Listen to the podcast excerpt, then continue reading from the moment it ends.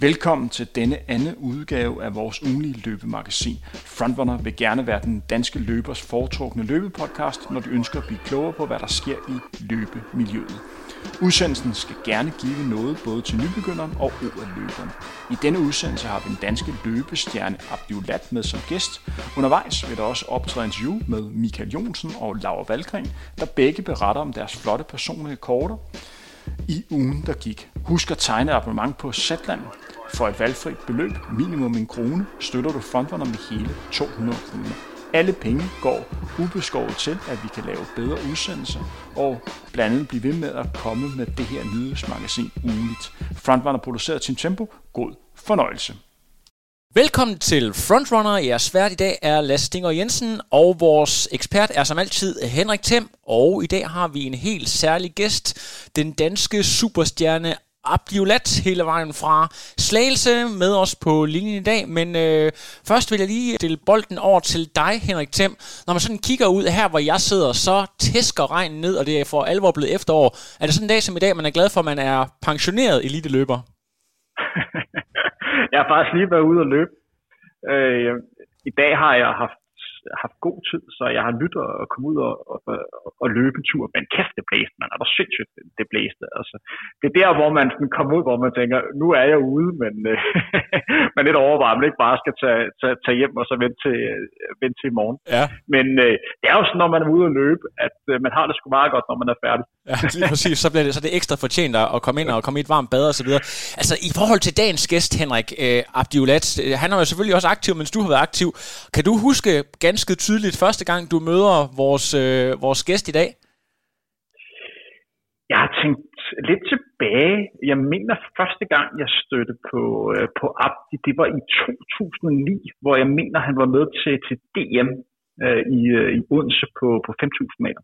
Øh, og så sker der derovre i, og dengang tror jeg lige, han var stort set lige startet med at løbe. Og så i 2010, så har han altså rykket sit, øh, sit niveau øh, betydeligt med, jeg husker især øh, vinteren 2000, øh, 2011, øh, 2012, hvor han virkelig tog et, et gigahop. Altså jeg kan huske, at øh, der var et træningspas inde på Østerbro, hvor vi lå og løb 10 gange 1000 meter frem og tilbage på sådan en grusstrækning, hvor at, øh, hvor jeg sådan lidt spillede gammelfar over for ham og, og, og Mads, og kom med en masse gode råd. Så gik der to måneder, og så kunne jeg lige pludselig se, at der var, der var en, en ny gazelle i flokken, fordi der var virkelig en, der havde trænet over, over vinteren.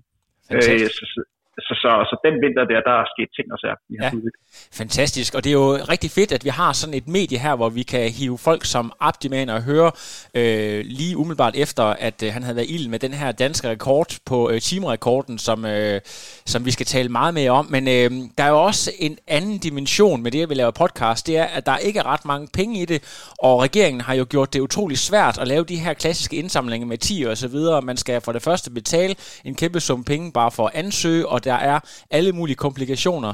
Så derfor så øh, har vi jo indgået et samarbejde med Zetland, og det er jo ikke noget med, at lytterne skal ud og donere deres ene nyere, og så øh, give os pengene på den måde. Nej, man skal faktisk kun, øh, så lidt som en krone har jeg forstået, øh, så kan man tegne et abonnement, og samtidig hjælpe Frontrunner med 200 kroner. Er det ikke korrekt, Henrik? Det er helt præcis. Det er sådan i den, den næste uges tid, der kører Zetland en kampagne, og vi er en af deres samarbejdspartnere. Øh, så det vil sige, at hvis man har lyst til at få adgang til Zetlands nyhedsdækning, og skal lige sige, at jeg har faktisk brugt det de sidste par, par måneder, når jeg, når jeg er ude at løbe eller frem og tilbage på transport. Lige få en overblik over, hvad der sker i den sådan, øh, politiske verden. De går, de går meget i dybden og virkelig kommer med et nuanceret billede på, på hvad der sker. Så jeg er begyndt at holde, holde meget af det medie. Men kort og godt, du kan få adgang til en måned. Øh, du skal lægge et, et valgfrit beløb. Det kan være alt for, for en krone op til en 50'er, alt afhængig af, hvad man synes, der er fair. Og når man gør det, så støtter man samtidig fronterne med, med 200 kroner. Og de penge går 100% til, at vi kan lave bedre udsendelser, som for eksempel den, vi, den, vi hører nu her. Så en masse kærlighed, hvis I går ind og tegner mange på, på, øh, på Zetland. Og så husk, en krone er lidt fesen. Gerne lidt mere. Det er sgu meget godt midt. Ja, og det er, det er fantastisk at kunne lave sådan en aftale, og som jeg har forstået det, så er det noget med, at øh, man kan selvfølgelig læse artiklerne, ligesom øh, man kan i en normal digital avis, men øh, mange af de øh, journalister, der har skrevet artiklerne, indtaler dem også, som man også kan bruge dem som podcast, som jeg kan forstå, at du gør, Henrik. alle medier bliver også øh, indlæst så, som podcast, så man kan både læse den, og så kan man så høre det øh, bagefter. Jeg bruger det primært som, øh, som en lyttende øh, medie, fordi jeg er meget på, på farten og, og nyder at høre podcast. Forrygende. Øhm, vi skal øh, simpelthen videre i teksten nu og have fat i Abdi. Abdi, er du med os på linjen? Ja, det er. Det er godt, Abdi. Øh, har du egentlig været ude at træne i det her vejr, eller, eller nyder, hviler du stadig på lavbærne efter din spektakulære timerekord? altså, jeg har ikke, jeg har, jeg har jo, øh, jeg har ikke været ude at træne endnu. Øh, ja, der er jo sket øh, det, at jeg er tilbage på studie, øh, og er i gang med at skrive min bachelor inden for ergoterapi.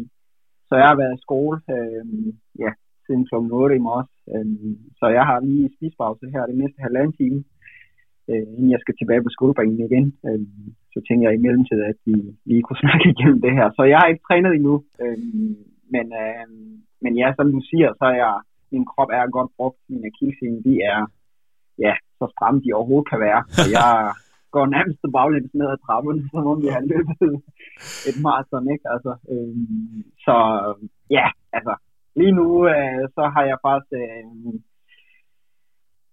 ja, så, så, så prøver jeg endelig at passe på min krop, og så, øh, så er der jo masser af tanker, der går op i hovedet på mig, hvor jeg siger, jeg mener, øh, det er okay at have ondt af dig selv, når du øh, har tårnet en hel time rundt på en 400 meter rundbane, ja. ikke? Altså, så, ja, så jeg prøver lige at få tanket, øh, hvad hedder det, alle depoter med masser af kalorier og kage, ja, altså, alle de gode ting, man øh, har prøvet at gå forbi, mens man har haft øh, de her hårde forberedelser frem mod øh, det vigtige løb, ikke? Altså, som der var i, øh, i Bruxelles.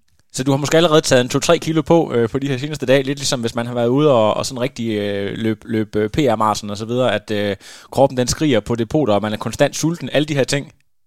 Ja, jeg synes, min mave ser rimelig elastisk ud, og lige nu kan jeg, ja, jeg kan kun lige ende min navle, så. det er, Ej, det, det, det, det, det, men, men, men det er ikke det, jeg tænker på. Jeg, jeg tænker bare, at øh, ja, altså, man bliver ikke øh, helt dårlig af at holde øh, en, en kort pause af på en, en øh, så krævende øh, timeløb, øh, som det var i Bruxelles. Så øh, det er okay, og øh, altså, det er okay at give uh, kroppen lidt pause, altså, øh, så den kan komme sig, øh, både øh, fysisk, men også mentalt.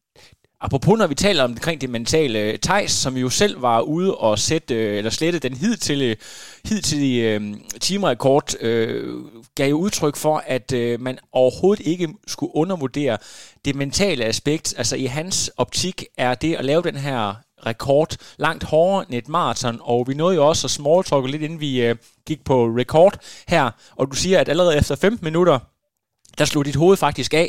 Kan du lige prøve at fortælle lidt mere omkring den, den mentale del af det her, Abdi? Ofte så, så tænker man jo, når det er halvmarathon for eksempel, hvis der er noget, der kan sammenlignes med det her timeløb, så tænker man jo, altså det er jo kun kilometer, kilometerskillerne, man skal kigge på, og så får man en mellemtid efter 5 kilometer. Men jeg synes, altså, især den første halvdel, så er det jo, man ved ikke rigtig, hvordan man egentlig skal først og fremmest det skal, hvad hedder det, øhm, disponere sit løb. Øh, altså enten lægger man for langsomt ud, som jeg gjorde, eller man lægger for hurtigt ud, fordi det er baneløb. Fordi man, når man løber banen, så går det simpelthen så hurtigt. Øh, og man, man når ikke at tænke særlig meget. Men når man løber det her teamløb, så, så tænker man bare, åh, åh, huske det en hel time. Øh, og så løber man også ja, samme vej rundt, ikke? Altså øh, venstre om, så når man har nået det her øh, cirka øh, ja, 30 minutter, 35, så er det som om, at øh, fysikken begynder at faktisk at, at, ja, at have problemer. Altså, så man, man, man bliver bare meget træt i venstre side. Øh, samtidig med, at man tænker, fuck, der er langt hjem. Øh, og ja, oven i købet, så tænker man bare, jamen, jeg, jeg løber jo efter en rekord, så jeg har jo ikke tid til at, at skulle tænke på sådan noget, og have ondt af mig selv. Øh, som der er sindssygt meget trafik op i hovedet, altså, og, øh, og så tænker man jo, jamen, hvad har man hver, hver 400 meter, man kommer rundt? Altså, hvad, hvad siger tiderne, ikke? Altså, øh, er man på vej ned? Er man på, er, holder man tempoet, eller er man... Øh, ja, altså, der er masser af ting, øh, og, og for mit vedkommende, der var jo ja, altså som jeg sagde til at starte med, øh, efter 15 minutter, så blev jeg faktisk enig med mig selv, at jamen, hvis jeg skal løbe den her rekord hjem, så er jeg nødt til at lade være med at undre mig selv og komme derud af. Øhm, jeg er nødt til at bare stramme ballerne sammen og sige til mig, altså, til mig selv, at jamen, så længe du gør alt, hvad du kan, så, har det, så er der endelig ikke noget at komme efter. Fordi jeg har tit oplevet, at efter jeg kom over målstregen, så har jeg tænkt, fuck, det var sgu ikke godt nok. Du har ikke gjort nok altså, af det der, fordi du har ligesom sparet dig en lille smule der og her og så videre. Øh, jeg har lægget på læber nogen og tænkt, åh, det blæser lidt for meget, eller der er lidt for varmt, eller det, det går lidt for hurtigt deroppe foran og så videre. Øhm, men når det så er sagt, så har jeg jo forberedt mig så godt jeg kunne. Jeg har jo lille smule også nærstuderet i forhold til, hvordan Thijs han løb, øh, hvordan det så ud med det løb og så videre, øh, og, og det han skrev og så videre. Øh. Så jeg har jo også øh, på træningsbanen løbet alt imellem jamen, 36 minutter til en time og 6 øh, øh, på banen. Og jeg, da jeg løb en time og 6, det var faktisk min sidste lange tur øh, på banen. Der løber jeg faktisk, altså jeg løber de første 45 minutter i 3.00 og så kollapser jeg bare og løber så ja, lidt langsommere, ikke? men får samlet set øh, 3.01. Og så tænker jeg bare, jamen, formen er der. Fordi man må sige, det er i hvert fald det, der har fået mig igen, det er mere min, min fysiske kapacitet. Det var i hvert fald ikke det mentale, fordi det mentale var helt, altså, det, altså, det, det var lige før, jeg håbede på, at øh, altså, hvis det kunne lade sig gøre, så, så ville det faktisk være fint at bare efterlade hoved på hotellet. Ikke? Ja. Altså, øh, ja. Da du kommer ind her, jeg har lige haft uh, Laura Valgren uh, på en uh, lille, uh, en lille, et lille interview, inden vi gik på her, uh, ja. og, og spurgte om det der med, når man kommer ind uh, efter sådan en anstrengelse, er man så klar over, at man har sat en rekord, eller er du nødt til at se det uh, foran dig, før, før du ved det? Hvor, hvor bevidst er du der til allersidst? Ja, ikke, altså, først og fremmest, så havde jeg jo selvfølgelig en, en altså en personlig forventning at skulle løbe over 20 km.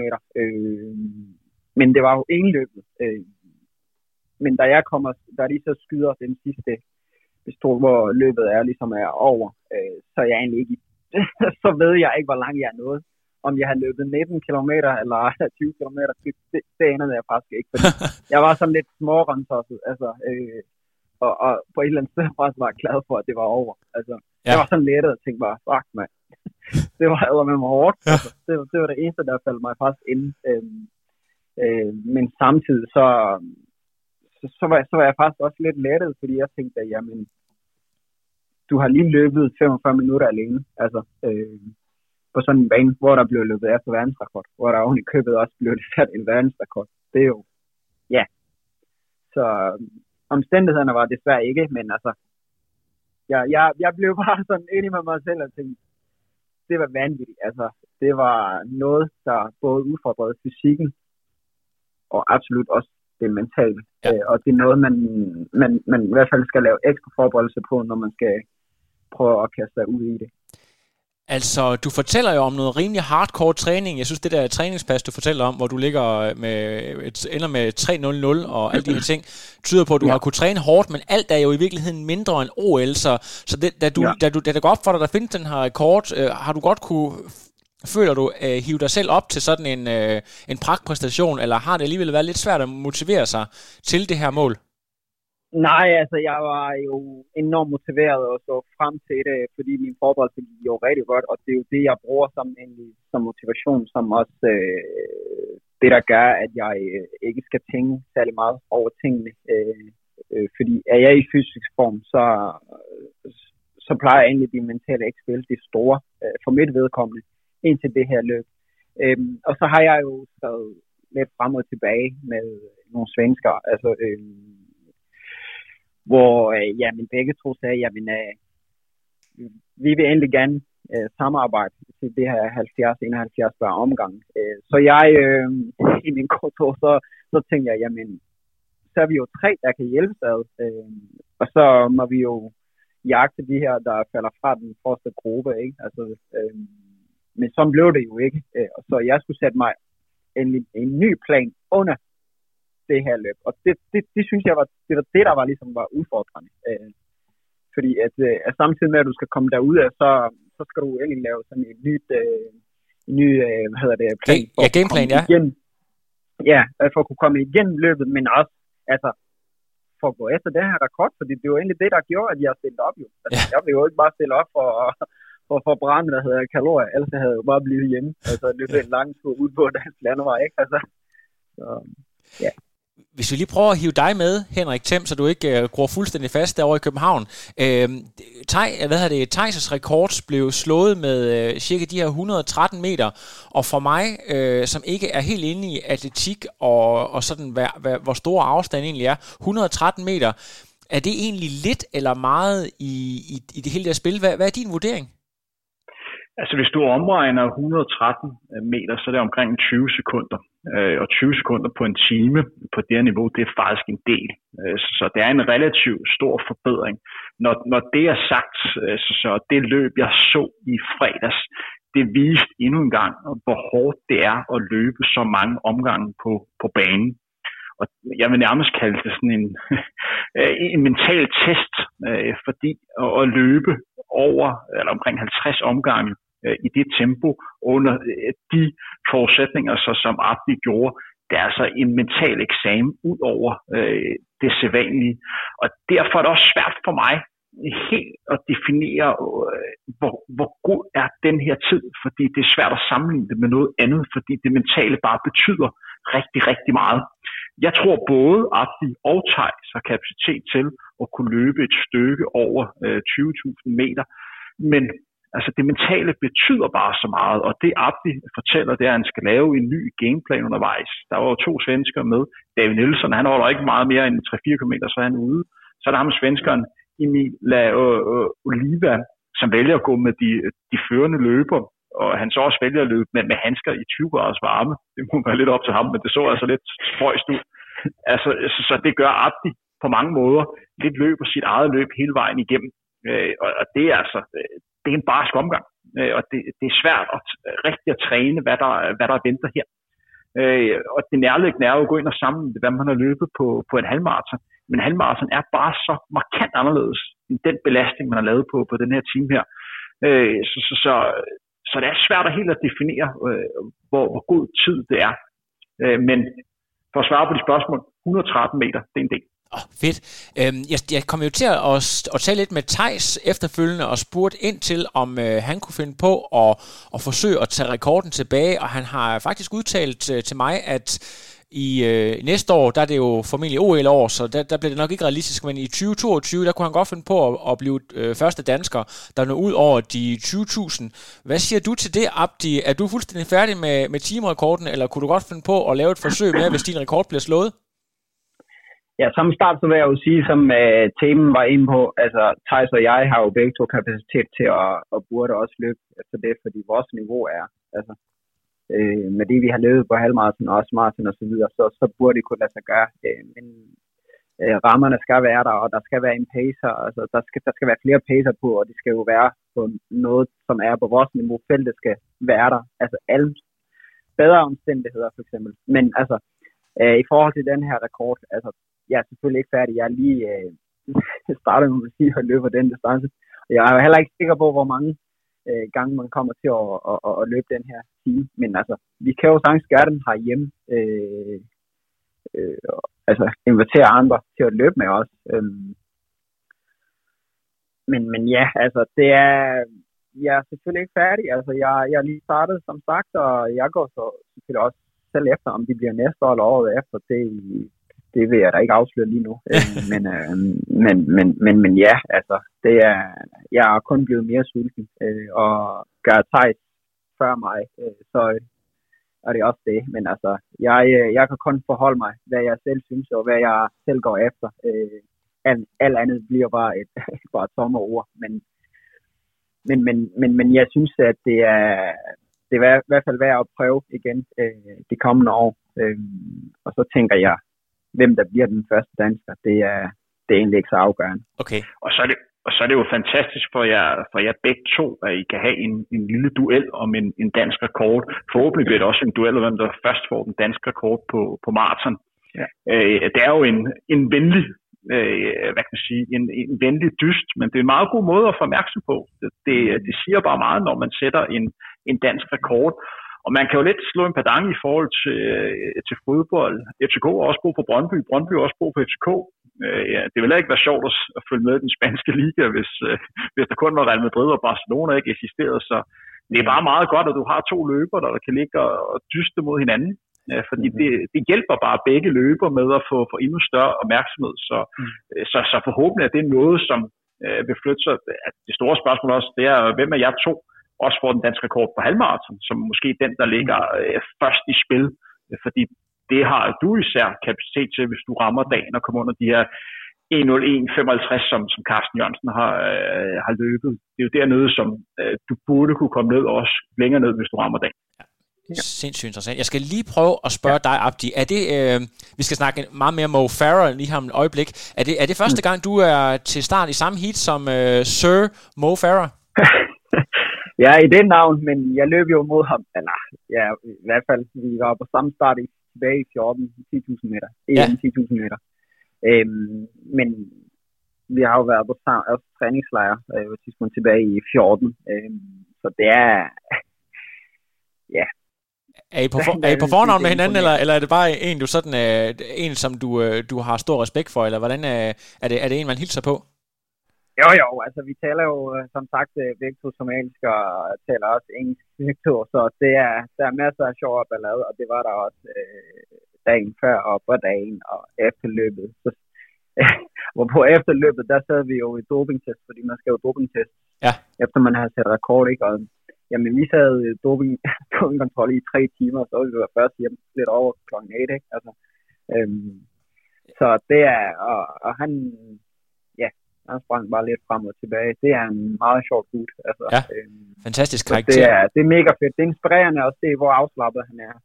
Øh, når han øh, både før og øh, også under, ikke? Men, men især efter, efterfølgende, så er han jo festlig fyr. Altså, øh, og meget øh, ned på jorden. Jeg kan forstå på det hele, at øh, den her rekord, det var den sidste af Haile Gebrselassie, den her kæmpe legendes verdensrekorder. Kan man tale om, at, at der er tale om en ny ære inden for løbesporten øh, med, at, øh, at alle hans rekorder nu er slået, eller er det noget, man skal lægge noget, noget mere i forhold til sådan hans legendestatus?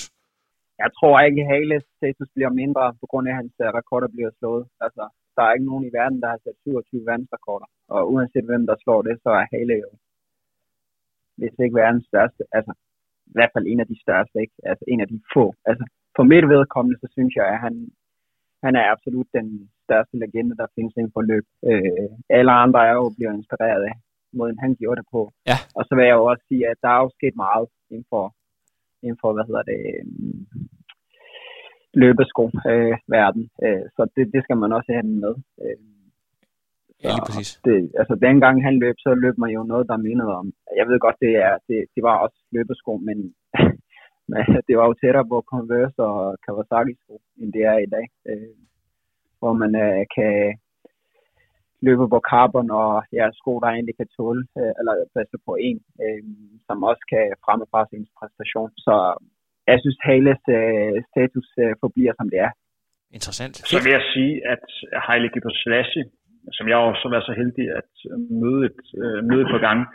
Den eneste løber, hvor jeg har set en verdensmester på maraton gå hen og spørge, om han må få et billede. Ja. ja. Det, det viser lidt op, hvor stor han er. Ja. Det er, øh, det er for, jeg kunne godt tænke mig, altså, hvis, hvis vi tager øh, Mo Farah, Øh, altså fuldstændig legende på, på 5 og 10.000 meter, dobbelt øh, OL-guld og så videre. Altså at den her præstation, han laver, selvom det kan godt være lidt svært at måle i forhold til andre ting, er det noget af det bedste, han har lavet på sådan de lidt længere distancer, hvis I har en kommentar på det? Altså, øh, Mo Farah, altså hvis man snakker om en løber, som har meget på spil i fredags, øh, så er det nok Mo Farah. Fordi i starten af 2020 meldte han ud, at han gik tilbage på, på banen, efter at have fokuseret på de et lidt længere løb, som, som halvmarathon og maraton. Og hvis man går ind og kigger på hans 2019-sæson og, og ser, hvad han har sådan opnået, så starter han året med at vinde øh, London halvmarathon. Et løb, der var meget bygget op til ham. Så var der store forventninger til, til ham på, på London Marathon, øh, efter han har vundet Chicago Marathon i, øh, i 2018. Men det er altså i hans tilfælde kun nummer 5 med 205.39. Og så vinder han så den her Court North, øh, eller Great North Run i 59.07. en rigtig hurtig tid, og faktisk en øh, uofficiel PR for ham. Det kan ikke godkendes derovre, fordi øh, løbet hælder øh, for meget. Øh, og der var også rigtig meget vind, øh, meget medvind den dag. Det var en 6. sejr i træk i det løb. Og så blev han altså kun nummer 8 i Chicago, i Chicago Marathon, hvor han kun lige afret løb under 2.10, 2.58. Så man kan godt argumentere for, at han kommer for et lidt skuffende øh, 2019-sæson. Så det var løbet, hvor han skulle vise, at han var tilbage på, på absolut øh, topplan, og man skulle tro på ham. At han kan tage dysten op mod de drenge, der lige nu løber rigtig stærkt på, på 5.000 meter og 10.000 meter, fordi i den tid, han har været væk, som Abdi nævnte, så er så altså sket meget med løbeskolen, men folk løber altså rigtig stærkt. Der er blandt andet lige sat på 5.000 meter med 12.35, og to var der altså også, i går var der også to løber, der under 12.50, ligeledes på 5'eren. Det er nogle unge drenge, som også skal løbe stærkt på, på 10.000 meter. Så det er langt fra at give, at Mo Farah for eksempel går ind i top 5 øh, til, til OL næste år på 10.000 meter, for der sker meget. Hvis man går ind og kigger på hans alle tider statistikker, det er jo meget sjovt at lave sådan en samling, hvor han man ligger på sådan alle tiders rangliste. Hvis man går ind og kigger på 15 meter, så er det faktisk det, han ligger bedst, for det ligger nummer 12 i alle, igennem alle tiderne med 3.28 på 5.000 meter. Man skal huske, at han er altså dobbelt olympisk mester og flere gange verdensmester på den distance. Så ligger han altså kun nummer 38 på alle tiders rangliste med de her 12.53. 10.000 meter ligger nummer 16 med 26-46 på en halvmarathon, hvor han løbet 59-32, det er hans officielle tid. Der ligger han altså kun nummer 94 på all time. Mens for maraton, der ligger han nummer 64 med, med 2.05-11. Den her tid, han, han lavede der i, øh, i fredags, hvor han løb øh, skal jeg lige huske det rigtigt, det var 21 øh, km og øh, 330 meter. Det er jo en flot bedrift, det er jo det er en flot verdensrekord, men det er svært at, at fastslå, om han har niveauet nu til at løbe op med de drenge der på, på 10.000 meter. Der synes jeg, man skal se ham på 10.000 meter. Eller hvad mener du, Abel?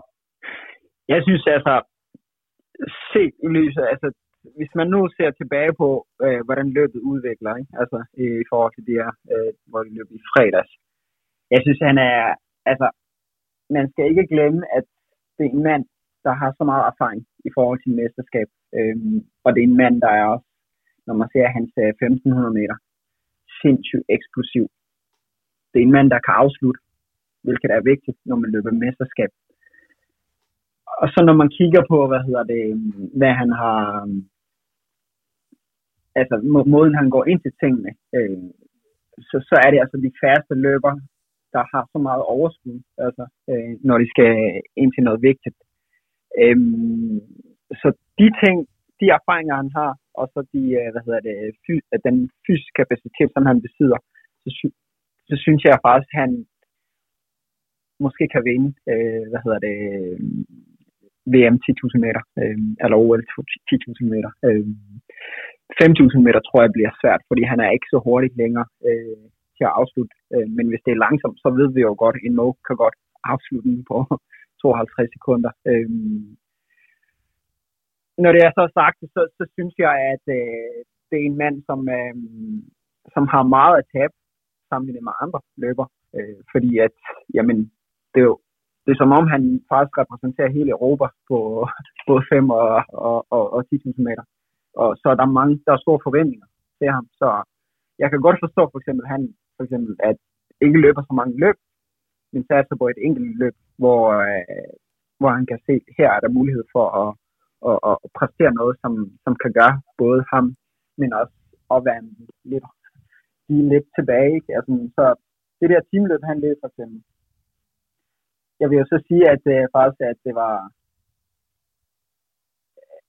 at han, han, han løb faktisk ikke sit bedste. Altså, vil jeg sige. Han, han så i hvert fald ud til, at han kunne løbe hurtigere. Øh, jeg har lige øh, agtig en kommentar til det. Når man, når man sidder og ser løbet udefra, som jeg gjorde, øh, ja. pr- producerne har lavet en mega fedt øh, tiltag med at lave sådan en avatar af Haile Gebrselassie, så man kunne se, hvor tæt han var i forhold ja. til rekorden. Og det ser ud ja. som om, at han kommer lidt problemer. Der er en, øh, du har en navnebror, jeg, jeg har valgt at kalde ham for den belgiske Abdi, som, som ja. kommer ind og hjælper lidt. Altså, tror, tror du øh, og dig, Henrik, øh, at, at øh, rekorden kunne være, være rådet ham af hende, hvis ikke han havde fået lidt hjælp der til sidst?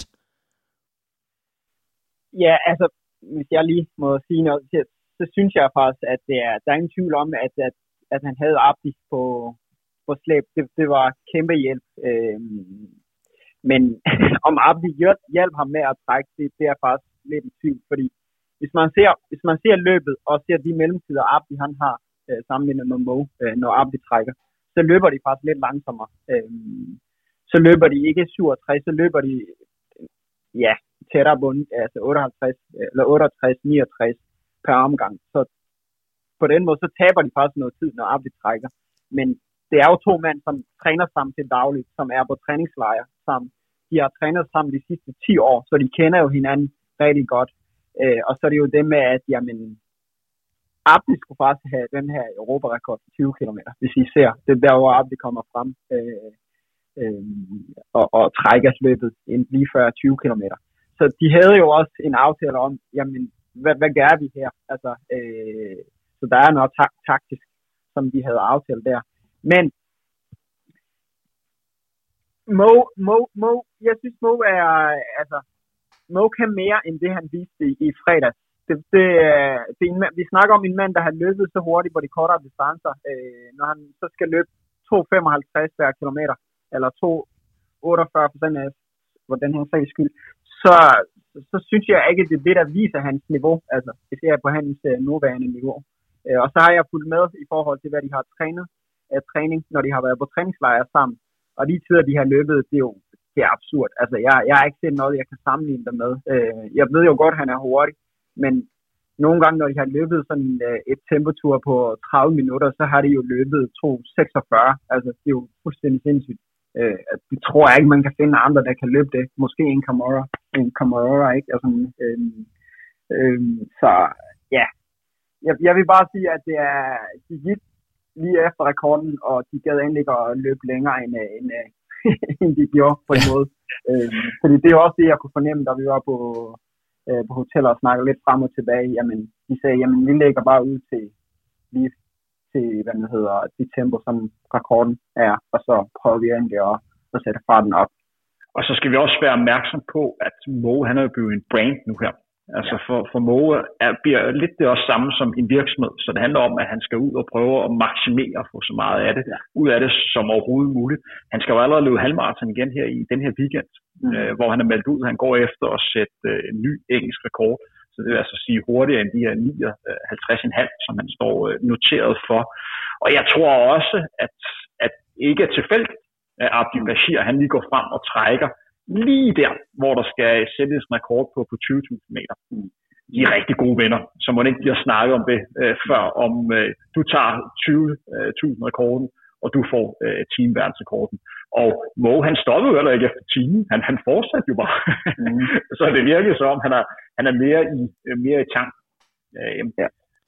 Vi skal videre i, i teksten nu, øh, så tiden ikke løber fra os. Der er en anden rigtig interessant løber fra øh, øh, selvfølgelig øh, afrikanske, med afrikanske rødder, øh, nordafrikanske rødder, men øh, Sifan Hassan øh, fra Holland sætter også verdensrekord, og spørgsmålet er egentlig, om hendes øh, præstation i virkeligheden er bedre end Mo Farah, hvis man kan lave den sammenligning. Jeg tror, hun kommer mere end 400 meter længere ud i forhold til den eksisterende rekord. Øh, altså Henrik, kan du ikke lige prøve at give et øh, kort resume af, hvem øh, den her superløber er, og hun er faktisk også i aktion i går på 5.000 meter øh, og løb så hurtigt som 14.36, så vidt jeg lige har opsporet. Øh, Stefan Hassan er øh, født i Etiopien, men stiller op for, for Holland og for årgang øh, 93. Hun er nok en af de største kvindelige øh, stjerner, vi har i øjeblikket. Hun er forsvarende verdensmester på 1500 meter og 10.000 meter. Og hun er nok også en af de mest komplette løbere, vi har. Vi snakker altså om en løber, som møder op med en person, der går på 800 meter, som på 1.56, 81 også lige går hendes rekorder igennem, så er det altså 1500 meter, hvor hun er altså verdensmester, der har hun løbet 3,51. Den sjette bedste tid igennem tiderne. Vi skal lige forholde os til, at der er altså fire kineser, øh, der ligger foran hende, som alle sammen på samme dag lige pludselig løb helt ekstremt hurtigt tilbage i 93, eller så de barber, der har verdenskorten. På 3000 meter har hun løbet 8.18. Det er altså en vanvittig hurtig tid på 3000 meter. 5000 meter 14.22, 10.000 meter 30.17 og halvmarathon 1.05.15, som er en en meget komplet løber, øh, vi har. Det er en løber, øh, som for et par år siden tog til Oregon og trænede under Alberto øh, Salazar, og da hun kom derover, der kom der virkelig øh, styr på, på hendes træning. Og lige nu, der er hun nok den mest komplette kvindelige langdistansløber, øh, vi har. Hun sæsondebuterede på 5.000 meter med Monaco øh, Grand Prix, hvor hun så ud, som om hun ikke helt var, var hvor hun skulle være, men der er sket noget den, den sidste måned, og hun satte altså den her timeværnsrekord på 18.000 meter, 930. Jeg vil udenbart skyde hende til at være en løber, der kan løbe en, en lille smule hurtigere, men jeg tror for kvinder, at en distance, som ikke er blevet løbet særlig meget. Øh, så, så øh, hvis hun vil, så er der mulighed for, at hun kan forbedre den endnu mere. Ja, øh, men jeg, jeg tror nok, at du var inde og kommentere lidt på hendes løbestil. Øh, skrev du noget om på Facebook? Er, der, er, er, er det sådan en særlig dynamisk stil, du lægger mærke til, eller, eller hvad er det, der er så karakteristisk ved den måde, hun løber på? Nå, men hun løber ligesom som, øh, som tigerdyret. Øh, så, så når hun får de her nye øh, Nike-sko på uh, Dragonfly, der kan lidt det samme som Vaporfly, der, den har jo lidt sådan en trampolineffekt, når hun lander ned. Og det ser bare øh, sjovt ud for en, der har et naturligt højt svævepunkt, og så lige pludselig bliver endnu højere. Så hun ligger jo helt ufattelig højt op i luften. Så det, når hun løber, det er nærmest som hun ligger og laver 1000 skridt eller 10.000 skridt, fordi det, uh, kæft, hun lander højt op. Det er godt. Øh, vi vi øh, hopper simpelthen videre i dagens tekst og skal snakke om øh, sprinter ved Diamond League, og samtidig så har der også været lavet nogle gode resultater til DM Hold, øh, som har været i Aarhus, øh, hvor der er blevet sat dansk rekord på 4x100, en, øh, øh, faktisk både hos herrer og damer, øh, og jeg kan forstå, at øh, 1900's herrer slår en 31 år gammel dansk rekord, så øh, ikke nok med, at øh, det hele rykker på mellemlang, også øh, i dansk sprint ser det ud til at ske noget, eller hvad? Er din kommentar til det, Henrik Thiem? Nå, men det er jo endnu gang øh, beviset på, at man, man løfter øh, i flok, og når der er en, der har, har vist vejen, så er der mange andre, der lige pludselig ser, at det her er, er muligt. Og, og man kan jo kigge lidt også på, hvad der sker i, i med en langdistance. Øh, Abdi har jo været en rigtig god løber i gennem mange år, men nu er Thijs også ved at komme med på vognen, og det har også gjort, at der er en masse andre løber, som kan se, at det her kan lade sig gøre. Og det er det samme, det der sker i, i sprint, og så har vi fået nogle rigtig gode træningsmiljøer øh, rundt omkring i, i Danmark, i mange år har det kun været, øh, hvad kan man sige, øh, henholdsvis på Østerbro i Sparta og i Aarhus, men nu er Frederiksberg også kommet øh, videre og også godt kørende. Der sker også ting i Aalborg, så det viser bare, at øh, at der er virkelig stor gløde i, i dansk sprint og dansk atletik generelt. I forhold til øh, manglende resultater, så jeg har læst eller hørt på et tidspunkt, at der var nogen, der sagde, at det var simpelthen vores manglende tradition og kultur for sådan noget rigtig tung styrketræning, der gjorde, at vi var, vi var bagud på de her parametre. Er, er der noget omkring det? Og jeg, jeg tænker bare på, at i dag med sociale medier, så er al træning vel i virkeligheden transparent. Der er vel ikke rigtig nogen i verden, der har nogen øh, hemmeligheder osv. Har det noget på sig? Det ved jeg simpelthen ikke noget om, så det øh, tør jeg simpelthen ikke uh, spå om. Det jeg bare kan sige, det er, at dem, der er træner lige i øjeblikket i øh, de danske sprintshold, der er sådan nogle rigtig dygtige træner. Uh, Mikkel Larsen, som er sprinttræner i Aarhus, det er måske en af de bedste trænere, vi har i Danmark på tværs af alle idrætsbanen. Der er sådan en rigtig dygtig træner. På Østerbro har vi en gut, der hedder Michael Jørgensen, og så Christian Trikovski, der er i, i Hvidovre. Der er så tre rigtig, rigtig dygtige. Jeg beklager, hvis jeg har, har glemt noget, men niveauet er ekstremt højt blandt øh, trænerne. De er, det er en rutineret herre, der er med i det her miljø her i, øh, i mange år, der virkelig ved, hvad de snakker om. Abdi, bare sådan lige for sjov skyld, hvad kan du, hvad kan du løbe på en, en 100 meter, hvis du, hvis du virkelig giver den gas? Det ved jeg ikke. Jeg tror, jeg får fiber ind. Øhm, jeg tror ikke, jeg kan komme så meget op i fart. Men måske, det ved jeg ikke. 12-13, det ved jeg ikke. Det er omkring, tror jeg. 12-13. Men, men, men ja, hvis, hvis jeg lige må tilføje det her med i forhold til øh, springverden. Jeg synes også, altså det der er sket, det man ikke skal glemme, det er jo, at, øh, at når folk får lov til at komme, altså når der sker en, en større satsning, som der er i gang lige nu i dansk atletik, øh, så, så er det jo det med, at man kommer ud og rejser og møder verdens bedste sprinter, øh, og øh, man ser, jamen, hvordan de løber, og man bliver, altså, det individuelle, individuelt. Det går bare op for dem, jamen du træner, altså du er ikke hurtig nok, og så begynder man faktisk at blive motiveret af de her, inspireret af de her øh, øh, hurtige monster, man ser øh, på banen, ikke? Altså, øh, og på den måde, når man kommer tilbage, så sammen med trænerne, så, så laver man faktisk en, en satsning, hvor man siger, jamen, vi, vi, vi skal simpelthen løfte øh, niveauet, øh, og på den måde, så kan man, ja, øh, så kan det jo åbne øh, flere døre, fordi man har været ude en gang så, så kan man komme med til øh, større stævner, og via det, så,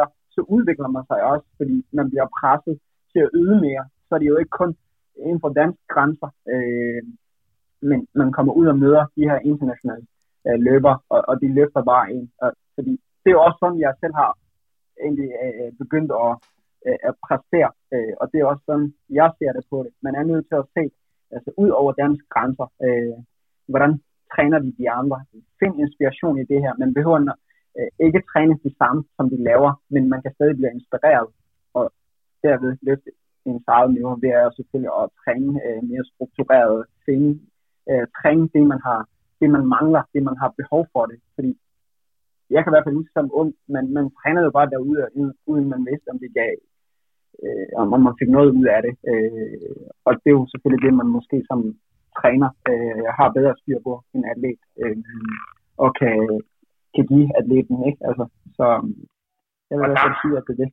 Og der har Abdi en, en rigtig god pointe her, fordi det, der blandt andet skete i uh, forbundsregi, det var, at man lavede en stor satsning uh, i første omgang på, på kvindestafet, at man gerne ville have et dansk kvindestafetlandshold med til Europamesterskabet i, i 2018. Øh, uden at fornærme nogen, så var det jo en af de største badebilletter, der sådan er, er givet, men de viste virkelig, at de havde niveauet, og, og de kvalificerede sig også til verdensmesterskabet i Doha i 2019, efter at komme i finalen til verdensmesterskabet i stafet, der blev afviklet i Japan i, i maj 2019. Og nu her står de altså med, med gode kort til at komme til, til OL næste år i 2021.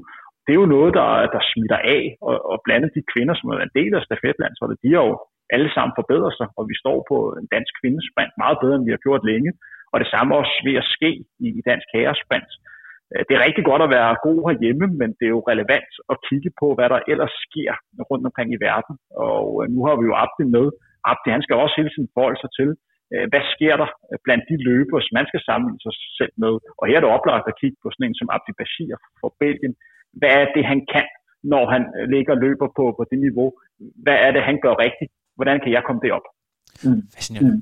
Og, det, og man skal heller ikke glemme altså, de, altså kado til en enkelt atlet, som satser, fordi det er altså en ekstrem sport, det er en hård sport, som, jamen, altså, du, det, det er jo ikke altid, du får øh, øh, altså, den udbytte, som du er i form til. Altså, du får jo ikke de tid, som du er.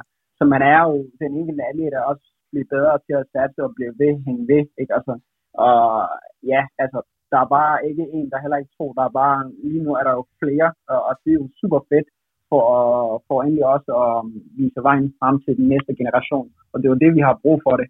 Men det, man skal huske, det er, altså, det er altså folk, der har enten fuldtidsstudie, fuldtidsjob osv., øh, fordi man kan ikke leve af, af, af atletikken. Så jeg er virkelig bange for, at det er det, der giver øh, tilbageslag om, om et par år, når de her øh, stærke atleter, som er altså, står fremme lige nu, at de ikke kan se mening i det. Det hele skal give mening, og det, det jeg vil jo appellere til øh, forbundet, at, at man er nødt til at, at, at, at finde noget, kan, som kan gøre, at man, at man ikke skal bekymre sig om at, at betale husleje, eller hvad man får på bordet osv., så, så man fuldt koncentrere sig om at præstere de resultater, der skal til for at kunne komme til finaler, ikke? altså OL og VM og så videre, fordi det er endelig den vej, man skal hen af, fordi jeg mener, at de fleste atleter, de træner faktisk mere end deres krop kan lige nu.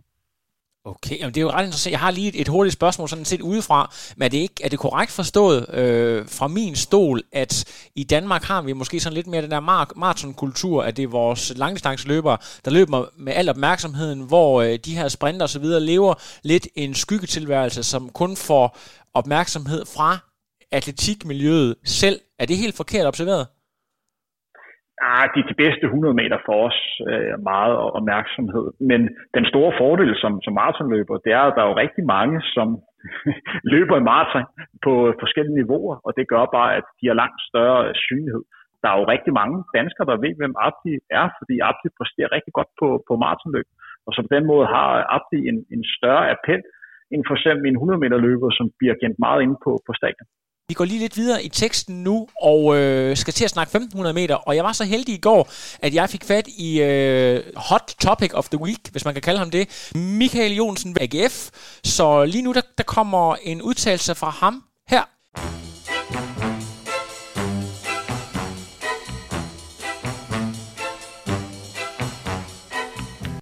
Michael Jonsen, velkommen til Frontrunner, og øh, jeg starter benhold ud med det store spørgsmål. Øh, det er jo her klokken 9 om formiddagen. Har du allerede været ude at træne? Det har jeg ikke lige, nej. Hvad hedder det? det er faktisk sådan, at øh, øh der vil være off-season nu. Øh, jeg vil gerne fortsætte en lidt, men øh, coachen han har vist ja, sagt, at jeg skal holde off-season.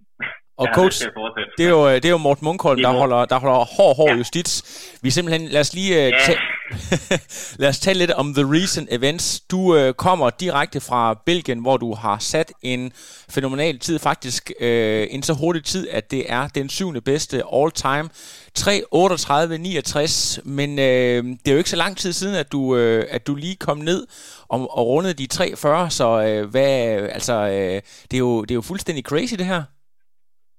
Ja, det synes jeg. Altså, det var også et, det var et godt løb, sige, og, og øh, jeg er altid sådan en, der jeg analyserer meget på løbet også bagefter, så jeg er mega stolt jo selvfølgelig over den tid, jeg løbede, men øh, samtidig så ved jeg også, at jeg laver nogle fejl, og det øh, ved jeg godt, det kan man være arrogant at sige, at men det gør jeg, og og der er mere i mig, øh, fordi at, øh, at det er første gang, jeg prøver at løbe så hurtigt, start af, at jeg aldrig rundet i de tider før, så man skal lige vente sig til det felt, hvordan det er, det er jo, altså, det felt, jeg var i, var jo et, øh, et tæt på verdensklassefelt. altså der var jo verdensklasse løber med, øh, og jeg var egentlig med, kunne jeg se, lige pludselig får man har jo blevet så hen ad vejen, at prøv at det ligger lige derovre, altså jeg er jo med hele vejen op, jeg har det godt, jeg kan huske, at jeg tænkte ud 800 meter, Øh, jeg har 1,56, så jeg tænker, men altså, jeg har det jo godt. Altså, øh, at de, jeg, jeg har jo noget at skyde med, når det skal være. Altså, det er jo, det er jo lidt vildt, synes man.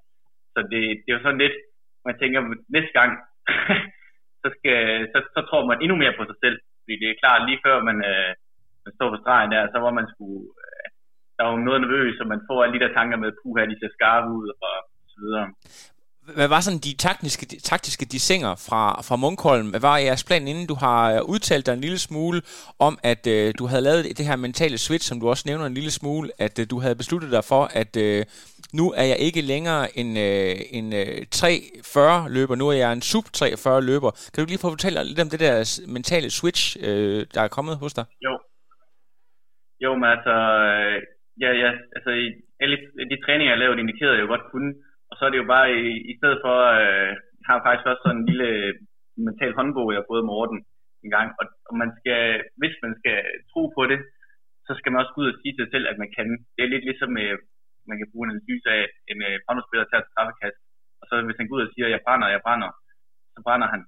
Øh, hvis han går ud og siger, at jeg scorer, jeg scorer, så er det nok op til, at han scorer. Man skal ud, jeg skal ud og tro på det, og sige, at jeg er med, jeg hører til i det her felt. Øh, jeg er ikke med som, jeg skal ikke være med som statist, eller noget. Øh, så hvis man ud og siger, at jeg tror på det, det er selvfølgelig, man kan ikke sige, at det lykkes det hver gang, men, men der er større sandsynlighed for, at det vil lykkes, i hvert fald. Ja.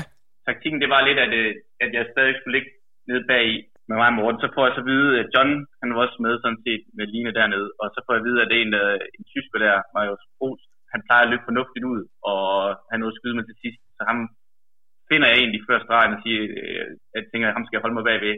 Og det gør jeg jo sådan set også hele vejen. Jeg kunne faktisk forbi ham med, med IQ i sidste sving. Øh, han kommer så desværre til sidst selv, men, øh, men det var en fed følelse at vide, at man er, altså, at man øh, går forbi sådan en som ham, der er tyskmester på, på 15 meter dernede, og, og er med det i det niveau, hvor det begynder at være rigtig sjovt. Altså, så hvor lang, ja, det er virkelig fedt. Hvor lang tid går der egentlig fra, at du kommer ind og ser den her tid, til at det sådan uh, synker ind? Fordi det er jo, du er næsten op og tangerer sådan en som Andreas Bueno, som flere har kaldt uh, sådan et, et århundredes talent, uh, og uh, ja. Sådan går ind på sådan en all-time liste, og, og vi skal også til at, altså bagefter skal vi snakke om, at, at du gik jo faktisk med seriøse overvejelser om at, at fuldstændig stoppe med at løbe på, på elite-niveau ja, her tidligere i år, så, så det er jo fuldstændig vildt, at du står, hvor du gør nu. Hvad var din, hvad var din umiddelbare reaktion? Ja, Jamen altså, jeg var mega stolt. Altså, det var både to følelser. Det var, det var mega stolt, og så var det, at øh, uden at lyde arrogant, så var det heller ikke svært tænkte jeg, at være med på det her niveau. Altså, fordi jeg følte, at øh, det kan jeg godt det her, og det, og det er jo ikke fordi, jeg føler, at jeg løber godt. Jeg løber ikke et perfekt løb. Jeg føler, at jeg løber fordi, godt, fordi jeg er i form. Men jeg løber ikke, jeg løber ikke et perfekt løb. Altså, det er også derfor, jeg mener, at der er mere i mig, fordi at, øh, jeg, jeg føler stadig, at jeg laver noget som selv, som jeg selv siger, jeg analyserer lidt på løbet, og jeg kan se, at jeg laver lidt fejl, synes jeg, sidste her. Øh, øh, så det, det er jo stadig det er jo mega stolt over min tid. Det er, ikke, det er ikke sådan, det skal lyde, men jeg kan bare se, at der er mere. Altså, jeg kan være med deroppe. Øh, næste gang, så skal man jo tro, måske tro på, at man kan være med op i fronten, ja. i stedet for at lægge sig ned bag i. Øh, det er jo næste skridt at tage. Så er det jo mega bekræftelse, at, øh, at jeg har ikke prøvet at runde i 240, for eksempel vælge 100 meter før.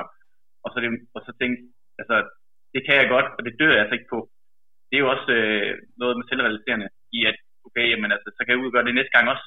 Altså, ja. Det er jo, det er jo en aha-oplevelse, jeg på. det er jo fantastisk. Jeg, kan, jeg, jeg fulgte jo lidt med til, øh, til DM øh, her for nylig, og der var flere af de andre, der giver dig credit for deres, øh, når de sætter PR og vinder osv., fordi du, er, de, altså, du blev bekræftet i fremragende form. Selve timingen af løbet, at du for eksempel ikke øh, lave den her præstation til et DM, men netop her i et øh, lidt stærkere internationalt felt i Belgien. Hva, hva, altså, hvordan øh, planlægningen og timingen er det? Kan du lige prøve at tale lidt om det? Jo, men vi havde jo nok planlagt egentlig frem mod DM, hvis jeg, Morten og jeg, men jeg må, det har været lidt sjovt for mig over, fordi at jeg, jeg har jo også skrevet til Morten efterhånden efter DM, at jeg føler mig bedre form, øh, også dengang jeg løb i Aalborg, end efter DM, end jeg gjorde til DM. Jeg har ligesom bare følt mig bedre og bedre for at køre. Altså ligesom, at jeg bare blev bedre og bedre, og det har mit løb også vist. Altså, jeg har løbet hurtigere på min 1500 hver eneste gang, jeg har løbet i år. Så det er også et positivt tegn. Så altså, jeg, jeg prøvede jo nok at ramme formen max til 5 til DM, men det tror jeg bare heller ikke, jeg gjorde. Altså, hvad hedder det, fordi at, øh, jeg har i hvert fald haft mere at blive på, kan man, kan man se, synes jeg. Ja. Øh, det er jo ligesom kunne fortsætte. Fremragende. Du er jo sådan lidt et usædvanligt talent. Du kommer jo helt oprindeligt fra fodbold på sådan ret højt niveau. Du har været inde omkring triathlon, og så lige pludselig så dukker du op i Mortens træningsgruppe og, øh, og viser dig at indeholde et uh, ret usædvanligt talent fra en, som egentlig er, er relativt ja. Du har ikke løbet på elite nu i så mange år, men så lige pludselig så rammer du altså en mur her midt i, hvor, hvor alting er corona og kaos. Prøv lige at fortælle om, om de der tanker, der lige pludselig ramte dig, hvor, hvor du måske synes, at du har stagneret en lille smule. Hvad, hvad var begrundelsen?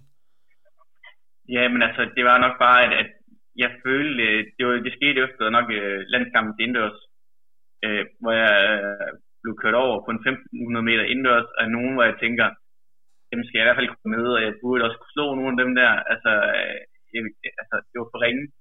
Uh, og så blev jeg fuldstændig sat over. Det, det var nok, uh, det, det tog bare lidt pusen fra mig. Jeg tænkte, at det ikke, altså, nu er jeg jo kommet fra en udendørssæson, der ikke, der, der ikke var spillet sådan fuldstændig, som jeg gerne ville øh, jeg ikke får de løb øh, ind, som jeg gerne vil, og så kommer jeg til indendørs, og så spiller det heller ikke rigtigt. Så, altså, øh, det var sådan lidt det, der nok lige øh, gjorde lidt med, at man, altså, man skal også gå op med sig selv, og man, øh, jeg gør det her all in, fordi at jeg vil nå det niveau, som jeg nåede nu, synes jeg, og vil nå bygge videre på.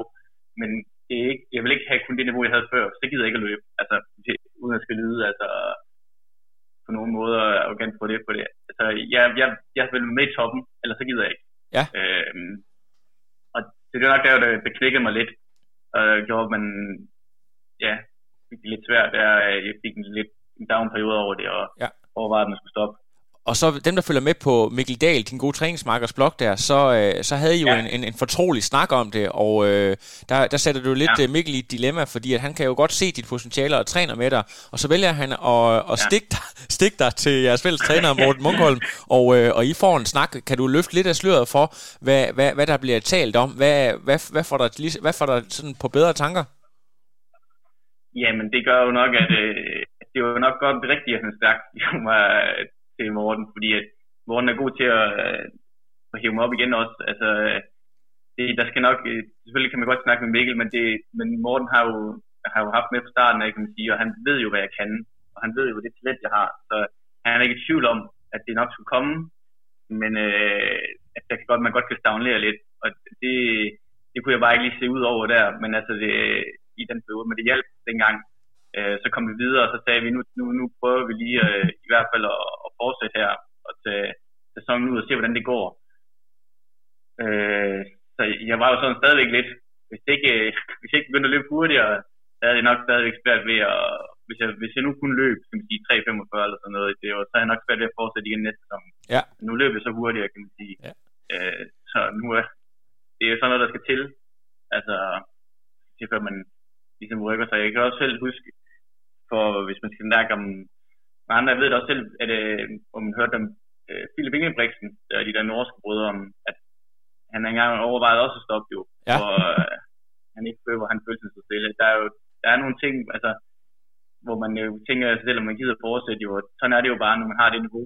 Øhm, det hører simpelthen med? Og, øh, ja, det gør det måske lidt. Altså, hvis man, der, der er selvfølgelig nogen, der er mere mentalt stærke end andre, men jeg havde det bare sådan, hvis jeg ikke kan være på det her niveau, så skal jeg ikke blive med at lægge så mange træningstimer i det kæmpe så meget, fordi jeg til side sætter også alt andet, kan man sige, alt andet i livet står på standby, mens jeg løber.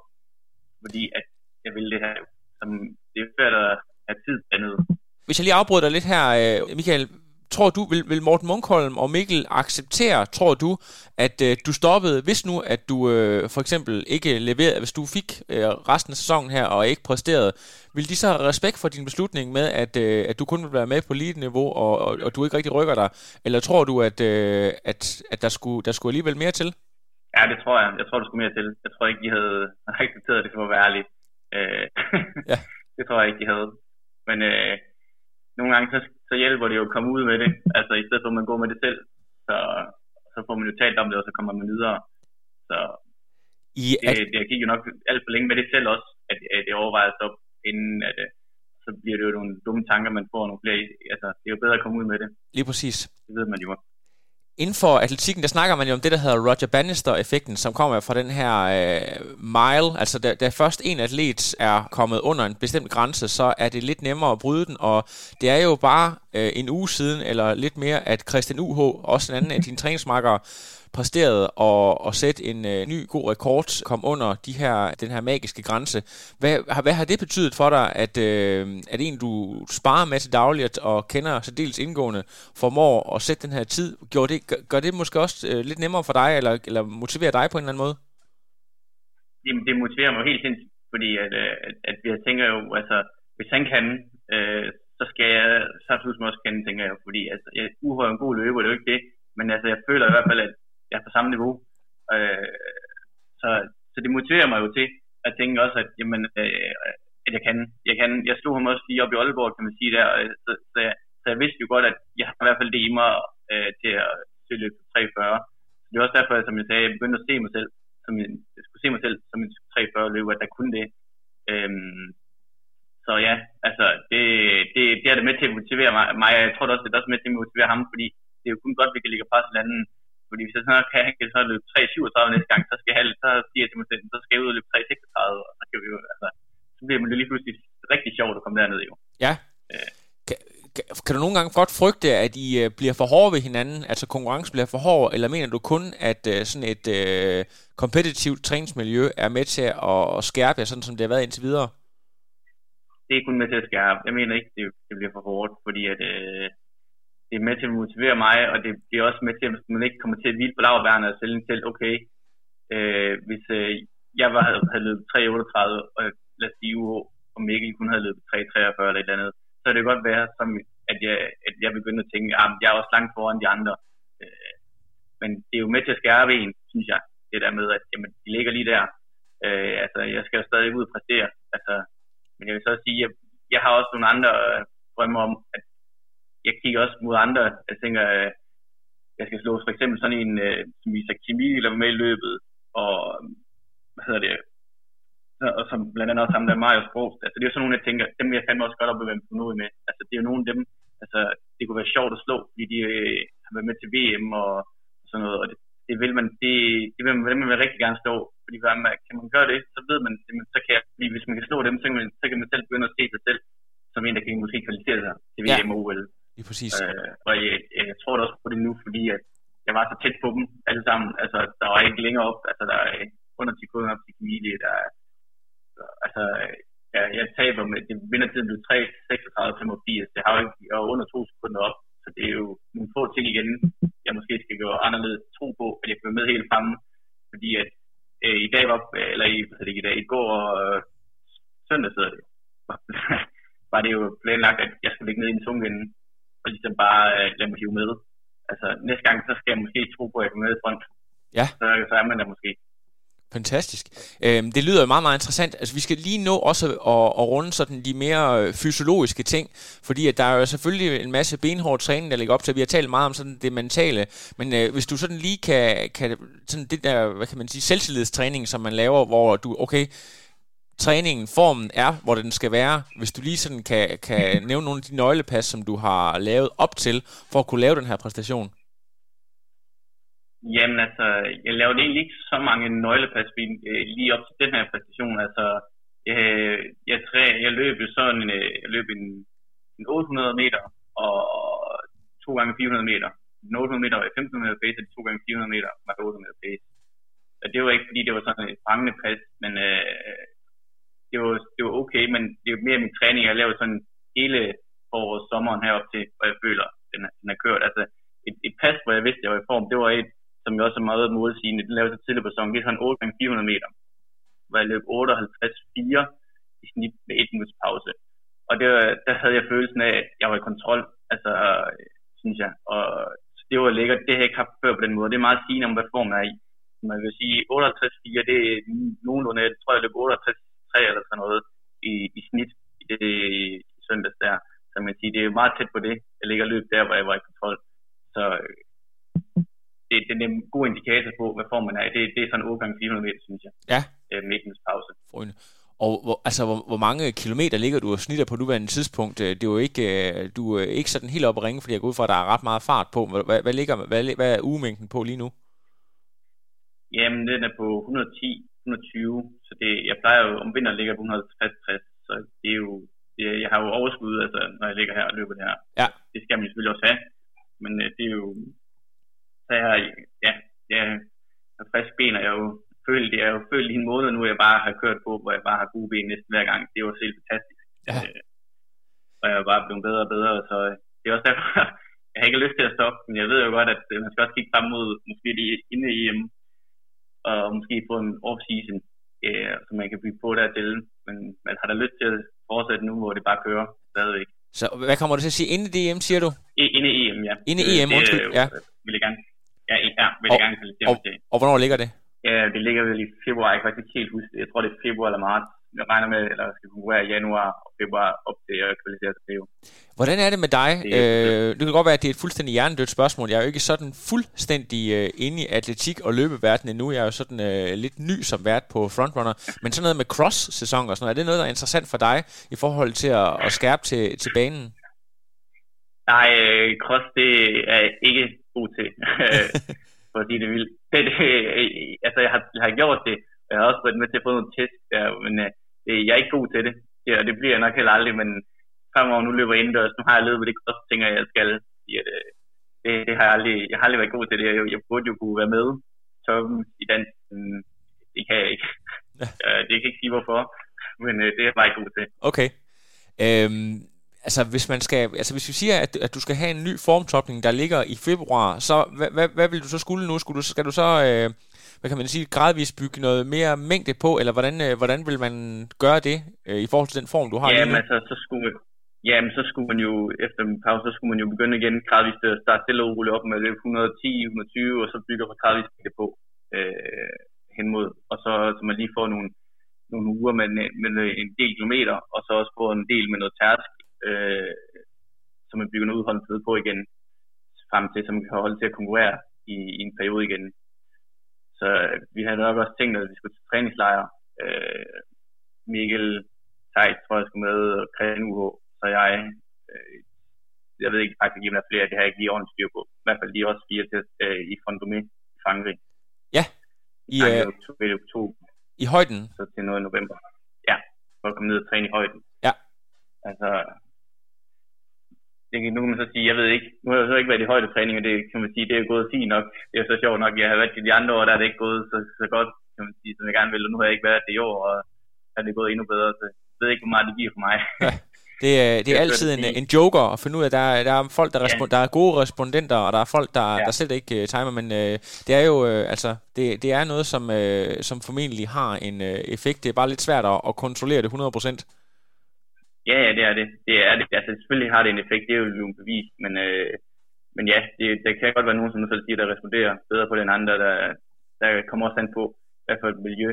Hvis man har det godt nok, jeg jo, har det jo godt nok også med at træne i Aarhus egentlig, og jeg har et miljø med, med AGF atletik og så videre, så det føler jeg jo egentlig også, at det, det fungerer jo for mig, og jeg har prøvet det der med ikke at lave noget, øh, det fungerer heller ikke helt for mig, hvor jeg kan man sige, lever som en brug men det, det tror jeg ikke, jeg skal dagligdag på en eller anden måde op og fungere, hvor der sker noget øh, i løbet af dagen. Det fungerer langt bedre for mig. Det har jeg også fundet ud af her, at det gør det. At jeg har lige, ikke for meget, men bare lige har lidt at lave, og, og så stadigvæk kan have tid til mit løb. Og hvad, hvad er det præcis, du laver ved siden af, af, af løb i Aarhus?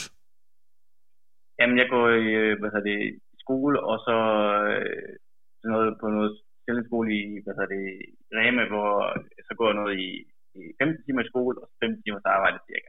Ja, så det er sådan en rimelig god blanding for at, at kunne opretholde en, øh, en øh, god, øh, stabil elite-karriere som løber. Ja, det, det synes jeg i hvert fald. Man kan jo gøre, hvad der fungerer for en selv. Det kan være forskelligt fra person til person, men det her, det, det synes jeg fungerer for mig. Eller jeg har også behov for, at det skal laves noget, og så lidt af, bare lige lave lidt af fysisk også, det har jeg da også godt med. Altså, jeg, det vil ikke fungere kun at sidde i skole, så det her det er en god kombi for mig, tror jeg det er fremragende. Jeg skal bare lige her til allersidst høre, øh, Michael, i forhold til, øh, man kan jo godt kalde det her for dit øh, store breakthrough, så du har ja. været et, et øh, folk i løbemiljøet har godt vidst, om det var igennem en længere periode, men, øh, men det her, det er sådan øh, kronen på værket so far. Øh, mærker ja. du sådan, øh, at, at medier og folk begynder at række ud efter dig, måske øh, Randers lokale ja. Ja, men jeg kan godt mærke, at der har været, der har været meget, øh, jeg har fået mange beskeder også, og generelt øh, øh, her de sidste dage, så det kan jeg godt mærke, ja. Øh, der er jo mange, der synes, det er vildt, og jeg har, og jeg har altid, jeg har altid plantet med fødder på jorden, og synes, at jo, det er da flot, men altså, jeg skal nok blive bedre øh, end det her, og det, det er ikke det sidste. Altså, øh, jeg vil og løbe meget hurtigere. Så det, og det er jeg sikker på, at nu jeg kan, nu har jeg virkelig fået troen på det. Ja. Det er også noget af det, der er vigtigt. Så jo, der er mange, der har, der har kommenteret det og, og rækket ud efter mig. Ja. Så, så det, det er den lidt fede hektisk i dag. Ja. Øh, så ja. Det giver bare motivation til mere, men det lyder rigtig godt. Er der, er der sådan nogle andre ting, du kigger hen imod, hvad der skal ske? Er der nogle bestemte ting, du øh, særlig glæder dig til her i den kommende uge i forhold til løb? Ikke i den kommende uge. Nu ser jeg frem til, jeg ser faktisk frem til, at jeg skal træne igen, og er sindssygt motiveret for, at jeg skal træne igen og træne frem mod at kvalificere sig til, øh, sene-EM øh, og se, hvad det kan føre til, og se, hvor langt man kan nå. Altså, det er jo lidt et, der er jo et UL-år, og sådan noget, som øh, man kan sige, at det er måske er en større mulighed for at komme i en finale, fordi der er måske ikke så mange, der vælger inde i EM. Så det åbner måske nogle muligheder den vej. Så det, det, det er da lidt en drøm derude, at man kan komme med det. Det kunne være fantastisk. Og øh, hvad, sådan, ja. hvad, hvad, er, hvad er drømmetiden i forhold til, hvor langt, øh, hvor langt altså, kan du, tænker du, at du kan slå nogle af de helt store øh, legender, Niels Kim, og altså, er, det, er det dernede, øh, drømmen ja, er? Det, ja, det, ja, det, jeg vil ned, øh, jeg vil ned og løbe hurtigt. Jeg skal ned og løbe, øh, jeg vil, næste år vil jeg ned og løbe under, eller under 3,35. Det vil jeg. det er, jeg tror, tror på, det kan lade sig gøre. Altså, det, øh, det kan godt være, at mange de tænker, men jeg følte ikke, at jeg havde det perfekte løb i søndag. Øh, der er mere henne, og hvis jeg rammer den lige i røven nu, tror jeg godt, jeg kunne løbe 3.36, så kan man kalde mig arrogant, eller hvad man vil, men det, det tror jeg. Øh, så næste år, hvis jeg bygger endnu mere på, så kan hvorfor, hvorfor kan den ikke hedde 3.34? Ja, men det er simpelthen så forrygende. Det er jo lige præcis det, der skal til, at der er nogle folk, der melder ud, og at øh, nogle folk, der har nogle ambitioner. Så øh, det, det støtter jeg og Frontrunner 100% op omkring. Tusind tak, øh, Michael, og have en fortsat god dag. Vi tales ved. Ja, vi gør. Hej, det er godt, du. Hej. Hej. Henrik og Abdi, øh, nu har I været i sporten i rigtig mange år, og øh, er det en overraskelse for jer, at vi ser det, som jeg har valgt at kalde sådan en, øh, en ketchupflaske-effekt? Altså når der går hul på, på øh, bylden, hvis man kan sige det, så, så vælter det ud med resultater. Altså det, er, vi har jo lige haft øh, UH i sidste uge, som, øh, som kom ned og løb 3.39 øh, efter, at øh, der har været tørke på 1500 meter i lang tid. Nu ser vi lige øh, kort tid efter 3.38. Er, er, det, er det normalt, at, at øh, vi ser sådan en effekt? Øh, først og fremmest, så skal man være i form for, for at løbe rigtig stærkt. Og så handler det meget for, for Michael også om at ramme den, øh, den rigtige dag og, og tro på det. Det, der har været med, øh, øh, øh, hvad kan man sige, den, den gode løber, det er jo, at han i, i løbet af året faktisk har været i rigtig god form. Og blandet har også vist imponerende højt niveau ved at være, ved at være en glimrende har. Blandet der var et løb inde på Østerbro Stadion 5.000 meter, var op, de også var med. Øh, øh, hvor at øh, Michael Jonsen, han nærmest øh, den dag på løb 13.45, 13.50, hvis han er fortsat. Han var en fantastisk har. Og øh, Joel og øh, Christoffer Bold, som kom under 14 den dag, de skylder ham, og Mikkel Dahl, de skylder ham jo en kæmpe tak, fordi han var en fantastisk har. Så tror jeg, at der er sket det, at øh, da øh, hans træningskammerat øh, Christian Uldal, han løb øh, 3.39, så tror jeg, at det har givet ham øh, en ekstra tro på, at det her kan godt lade sig gøre. Og så på en eller anden måde, så har han også øh, formået at kunne øh, være så afslappet som muligt til, til løbet, og så gå uimponeret ind og så sige, nu øh, giver det en chance, og så må vi se, hvor, hvor langt det kan holde. Og det, det er nogle gange den, den rigtige øh, taktik til 3.38. Det er altså en rigtig flot tid på, øh, på 1.500 meter. Det er sådan, øh, så, har du øh, i forhold til tal og så videre, bare sådan lidt lytterne kan forstå, altså hvor tæt er vi på øh, sådan i, i, i top 10 øh, all time, hvor, hvor langt er vi nede? 338? Øh, øh, øh, vi, er i, vi er i top 10. Øh, for at sammenligne det her, så, så vil det være en tid, som var, var nok til at kvalificere sig til, til Europamesterskabet. Og når man er en 3-38 gut, så kan man også begynde at drømme om at komme til, til VM og OL. Det kræver en tid omkring øh, 3,36-3,35, men det begynder øh, at, at, at, at dufte af det. Det skal så lige siges, at konkurrencen på 1500 meter europæisk øh, set er rigtig, rigtig højt. Der er altså mange løber, som løber stærkt på, på 15 meter distancen. Det gode så for ham, det er, at der findes rigtig mange gode løb på 1500 meter.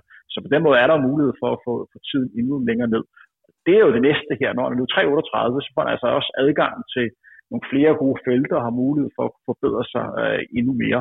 Og det er jo en vigtig ting, hvis man gerne vil blive bedre op. De nævnte det selv, men det er rigtig vigtigt, at man kommer ud og ikke kun konkurrerer med andre danske løbere, men også konkurrerer med andre europæiske løber og øh, løber for resten af verden. Det er den måde, man rykkes. Hvad hedder det, Michael øh, Jonsen her, han øh, har jo først lige løbet 3.40 for nylig, og har faktisk øh, i den her sæson øh, kæmpet lidt med motivationen, fordi at han ikke rigtig synes, at han fik øh, frugt af den hårde træning, han lavede, og øh, så lige pludselig, så, øh, så laver han det her jump cut, ser ud altså for, 3, for han lige klarer det der 340 klar, og så helt ned på, på 338, som er rigtig, rigtig meget på en 1500 meter. Altså, er det noget for eksempel, du øh, kan genkende til, øh, Abdi, fra, fra dig selv, det der med, at, øh, at man kan have dårlig motivation, øh, og så lige pludselig lave sådan et, et kæmpe tierspring, øh, lige pludselig. Hvordan, øh, har, har du oplevet det tidligt i din, i din karriere? altså ikke noget, jeg sådan erindrer, men jeg kan da godt forstå ham. Altså hver løber, som øh, ikke opnår de, øh, man enten er i form til, eller håber på øh, over overrække, øh, så, så til sidst så bliver det jo selvfølgelig en, så kommer man ind i sådan en negativ spiral, som gør, at øh, man tror mindre og mindre på en egentlig de ting, man, øh, man burde kunne øh, i forhold til ens øh, kampform, altså ens øh, kapacitet, ikke? Altså, øh, og jeg har øh, for nogle år tilbage jeg fulgt en lille smule med med, hvad hedder det, øh, Michael Johansens uh, træning. Og man må sige, at han er absolut den, der træner mest af, af, de, fl- af de fleste, hvad hedder det, 1500 meter øh, løber, vi har herhjemme. Øhm, og jeg er ikke tvivl om, det er al den hårde træning og de lange ture, som han har haft. Han har på en måde trænet fra os øh, lidt kombination af alle distancer. Øhm, og der er ingen tvivl om, at øh, efter Månholm, han øh, kommer til at få lidt mere struktur ind, og, og de er jo tre, der træner sammen, altså øh, Michael og UH og hvad hedder han, Mikkel, øh, så har de jo selvfølgelig haft gavn af at, at få lavet træning sammen, og det skal man jo ikke glemme. Miljø betyder altså utrolig meget, og når der er en kammerat, der, der, hvad hedder det, der løber stærkt, så, så tror man også mere og mere på det, øh, og der er ingen tvivl om, at der er mere øh, at komme efter øh, for, for Michael Johansen. Og så skal man jo også huske, at han er altså en hurtig dreng, så hvis det går for langsomt, så, så kan han sagtens øh, stå i en øh, Europa- eller VM-final. Det er jeg ikke tvivl om, hvis han selvfølgelig tror på det selv og fortsætter det her, det gode arbejde, og de lykkes med ham og, og hvad hedder det, og øh, få tingene til at hænge sammen, så, øh, så man ikke arbejder 40 timer om ugen siden af, ikke, og træner samtidig 200 km, fordi det, det kan jeg i hvert fald huske på et tidspunkt, han gjorde. Og så lige nu står han også i en situation, at han kan løbe en rigtig hurtig 5.000 meter. Øh, jeg vil tro, at han kan løbe 13.40 eller 13.45, øh, hvis han rammer dagen. Han har alt det, der skal til. Han har øh, hurtigheden, og han har også vist via sin arbejde, han har udholden til at kunne gøre det. Så hvis jeg var ham, så bare gå ud og finde en 5.000 meter og få den der danske årsbedste, så han både står med dansk årsbedste på 1500-5000 meter. Men Abdi siger jo noget, øh, noget rigtigt der. Han skal også overveje, hvor meget vælger det her løb, fordi vi i øjeblikket ligger han og slider rigtig meget på kroppen. Så derfor skal han gå op med sig selv ved at give det et skud, og så gå efter, og lad os sige, prøve at komme ned til, til VM næste gang, eller Europamesterskabet, eller ved at prøve at se, hvor god jeg kan blive ud for de øh, betingelser, jeg nu engang har. Men hvis man kombinerer med de ting der, som Abdi beskriver, det er en hård belastning for kroppen, og på et eller andet tidspunkt, øh, så kan du ikke holde til det mere. Fantastisk. Ja. Øhm, vi skal lige... Jeg, jeg skal lige ja, tilføje noget. Ja, altså, selvfølgelig. Øh, udover, udover de fysiske, så skal man jo ikke undervurdere det mentale, fordi altså, at batterierne er tomme op i hovedet, så bliver det altså svært at præstere rent fysisk. Det er ligegyldigt, hvor god form du er i. Får du ikke sovet Øh, er der for meget om ørerne, øh, så, så har det altså en kæmpe påvirkning øh, på ens præstation, og så betyder det jo bare, at fordi man presser kroppen så meget til det sidste, så, så får man faktisk øh, i det værste fald et øh, langvarigt øh, skade, som gør, at man er nødt til at sætte en stopper for det. Og det er jo ærgerligt, synes jeg, øh, at det går den vej. Men på en måde, så er man jo også, altså, man skal have noget at leve af. Altså, du, du, kan, ikke, du kan ikke bare sige, at jeg vil jo satse på løb som helhed. Men, men man skal finde nogle ting, altså både klub og øh, forbund og en selv. Altså, det hele skal jo bare hænge sammen. Du kan ikke bare sige, at jamen, jeg er nødt til at præstere, øh, hvis du har fuldtidsjob øh, på løbebanen, og så være 100% øh, til stede på job. Det kan ikke lade sig gøre. Sådan er det ikke. Altså, det er jo også fuldtidsjob at løbe. Det ser hvis du skal være med der, hvor det er sjovt. Ja, st- store overvejelser. Og hvad siger du til det, Henrik? Jo, men Abdi har jo en god pointe, og det Michael også skal, skal tænke på, det er jo at tænke på det at være, være løber på det niveau, som han er ved at nå som, som et brand, som et virksomhed, og hvad er det, der gavner brandet mest. Kig på, på Mo Farah. Jeg tror ikke rent løbemæssigt var det, han løb i fredags, det, der gav ham mest. Men rent brandingmæssigt, rent opmærksomhedsmæssigt, var det helt klart det rigtige valg, for det åbner en, en masse muligheder øh, for ham, fordi det bare ser så godt ud at få den her øh, verdenskort, Og det viser, at han er tilbage, han kommer til at stå i rekordbøgerne, han kan måske lave endnu bedre aftaler det næste år, og det gør, at der kommer endnu flere penge, endnu mere opmærksomhed i, i brandet Mo Farah. Og det er også sådan, Michael skal, skal kigge, og det er også derfor at kigge på 5.000 meter. Der er meget fokus på, på den distance, Kom ud og få den der danske årsbedste. Fedt. Ja. Vi skal lidt videre i teksten, fordi der er altså også blevet sat øh, ny verdensrekord hos kvinderne på halvmarathon i Prag. Perez Jepchekir, og mit kenyansk er ikke så, så godt, så øh, det kan være, at øh, der er nogen, der har en bedre udtale af det navn. Hun sætter en ny verdensrekord i tiden 1.05.34 øh, og har tidligere en øh, personlig rekord på en time, 6 minutter og 11 sekunder, så det er noget af en forbedring. Øh, Henrik, kan du fortælle os lidt om, hvem, øh, hvem hun er? Ja, vi skal lige nævne, at det er jo en verdensrekord i et rent kvindefelt. Øh, verdensrekorden i et mixfelt er en lille smule hurtigere. Jeg tror, den er en minut hurtigere. Hun har faktisk en personlig rekord, som hed 1.05.06, som hun løb i 2017. Øh, og det blev altså løbet i et mixfelt. Det, der var i lørdags, det var, Adidas, de skulle lancere deres nye øh, carbon racersko, den her, der hedder Adizero Adios Pro. Så de lavede simpelthen en, rundstrækning på øh, 1280 øh, meter, og så samlede de en masse alderssponsorerede løber, både kvinder og herrer, og så løb de altså først halvmarathon for kvinder, og så for herrer efterfølgende. Øh, hun løb sammen med de andre kvinder de, de første øh, 20 minutter, og passerede så solo 10 km i 30-32, og vandt altså i den her nye øh, Øh, verdensrekord.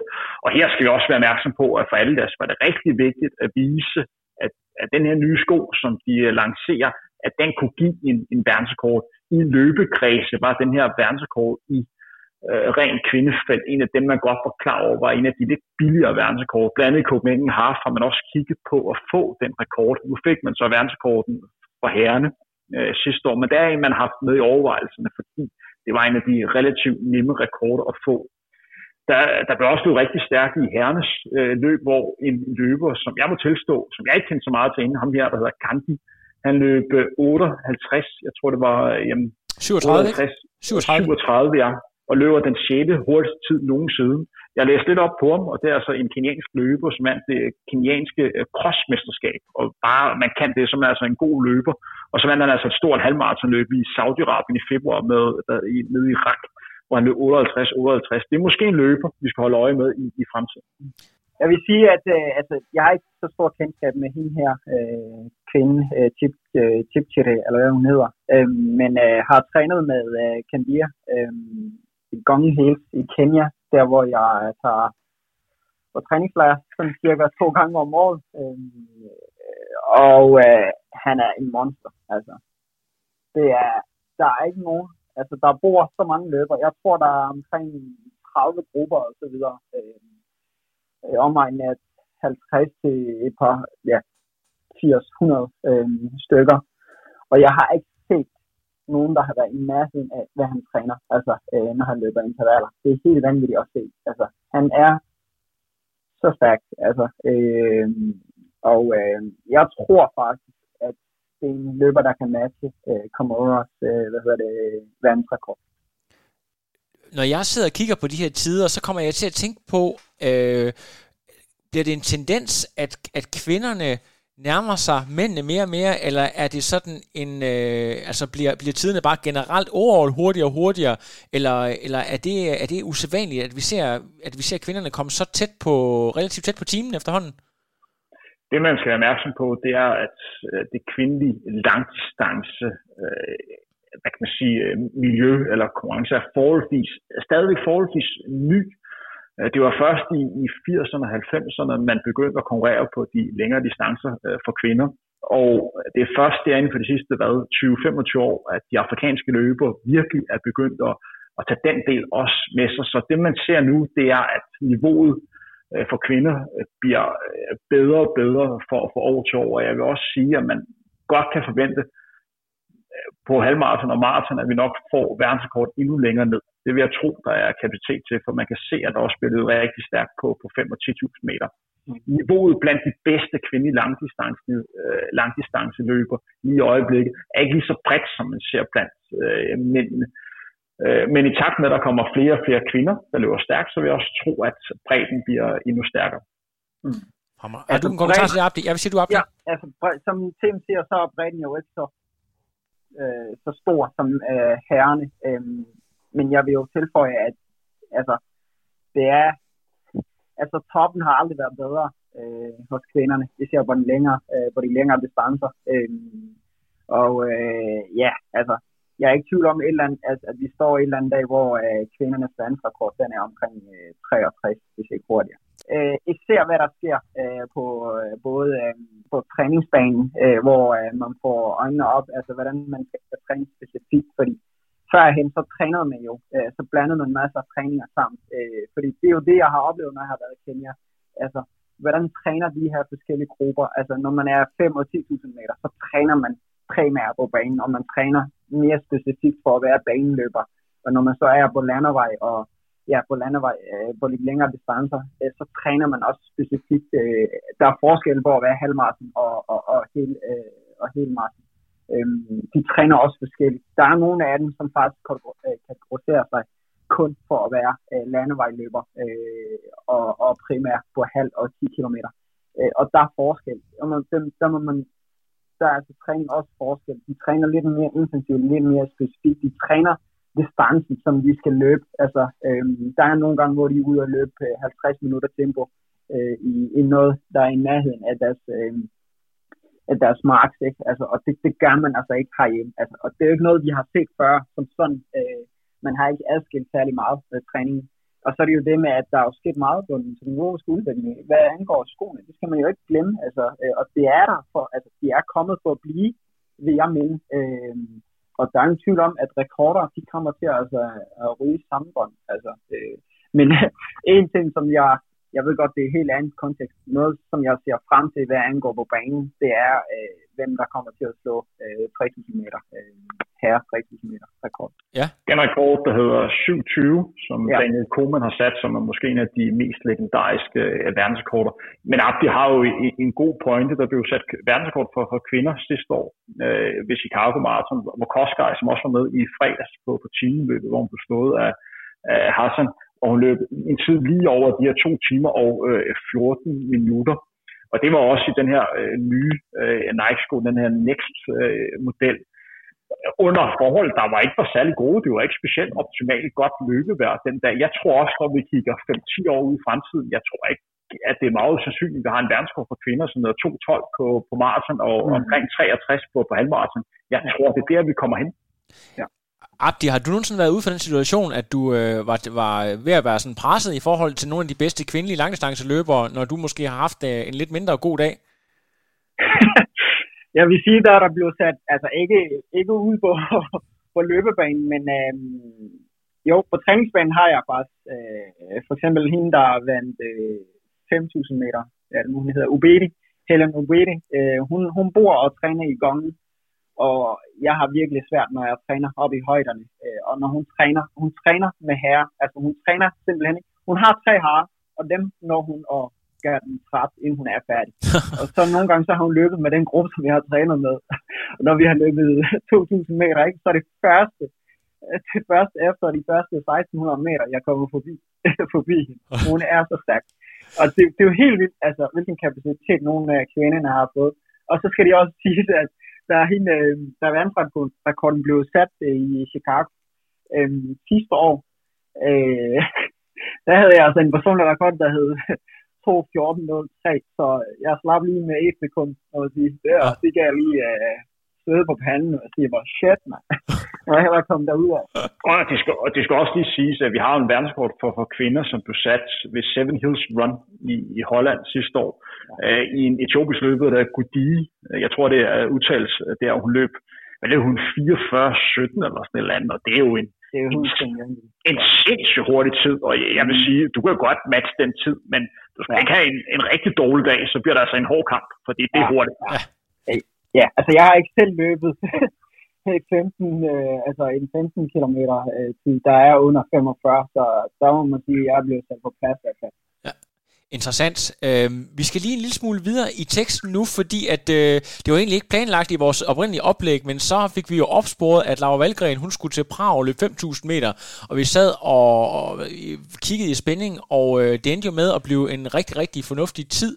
Øh, ny personlig rekord, øh, 15.21, der var nok til at øh, være den tredje hurtigste danske tid på 5.000 meter. Så øh, her tidligere i dag, der fik jeg en øh, lille snak med Laura Laura Valgren, som er på vej tilbage til Danmark fra hendes øh, race i går. Så øh, her kommer, hvad Laura havde at sige til det.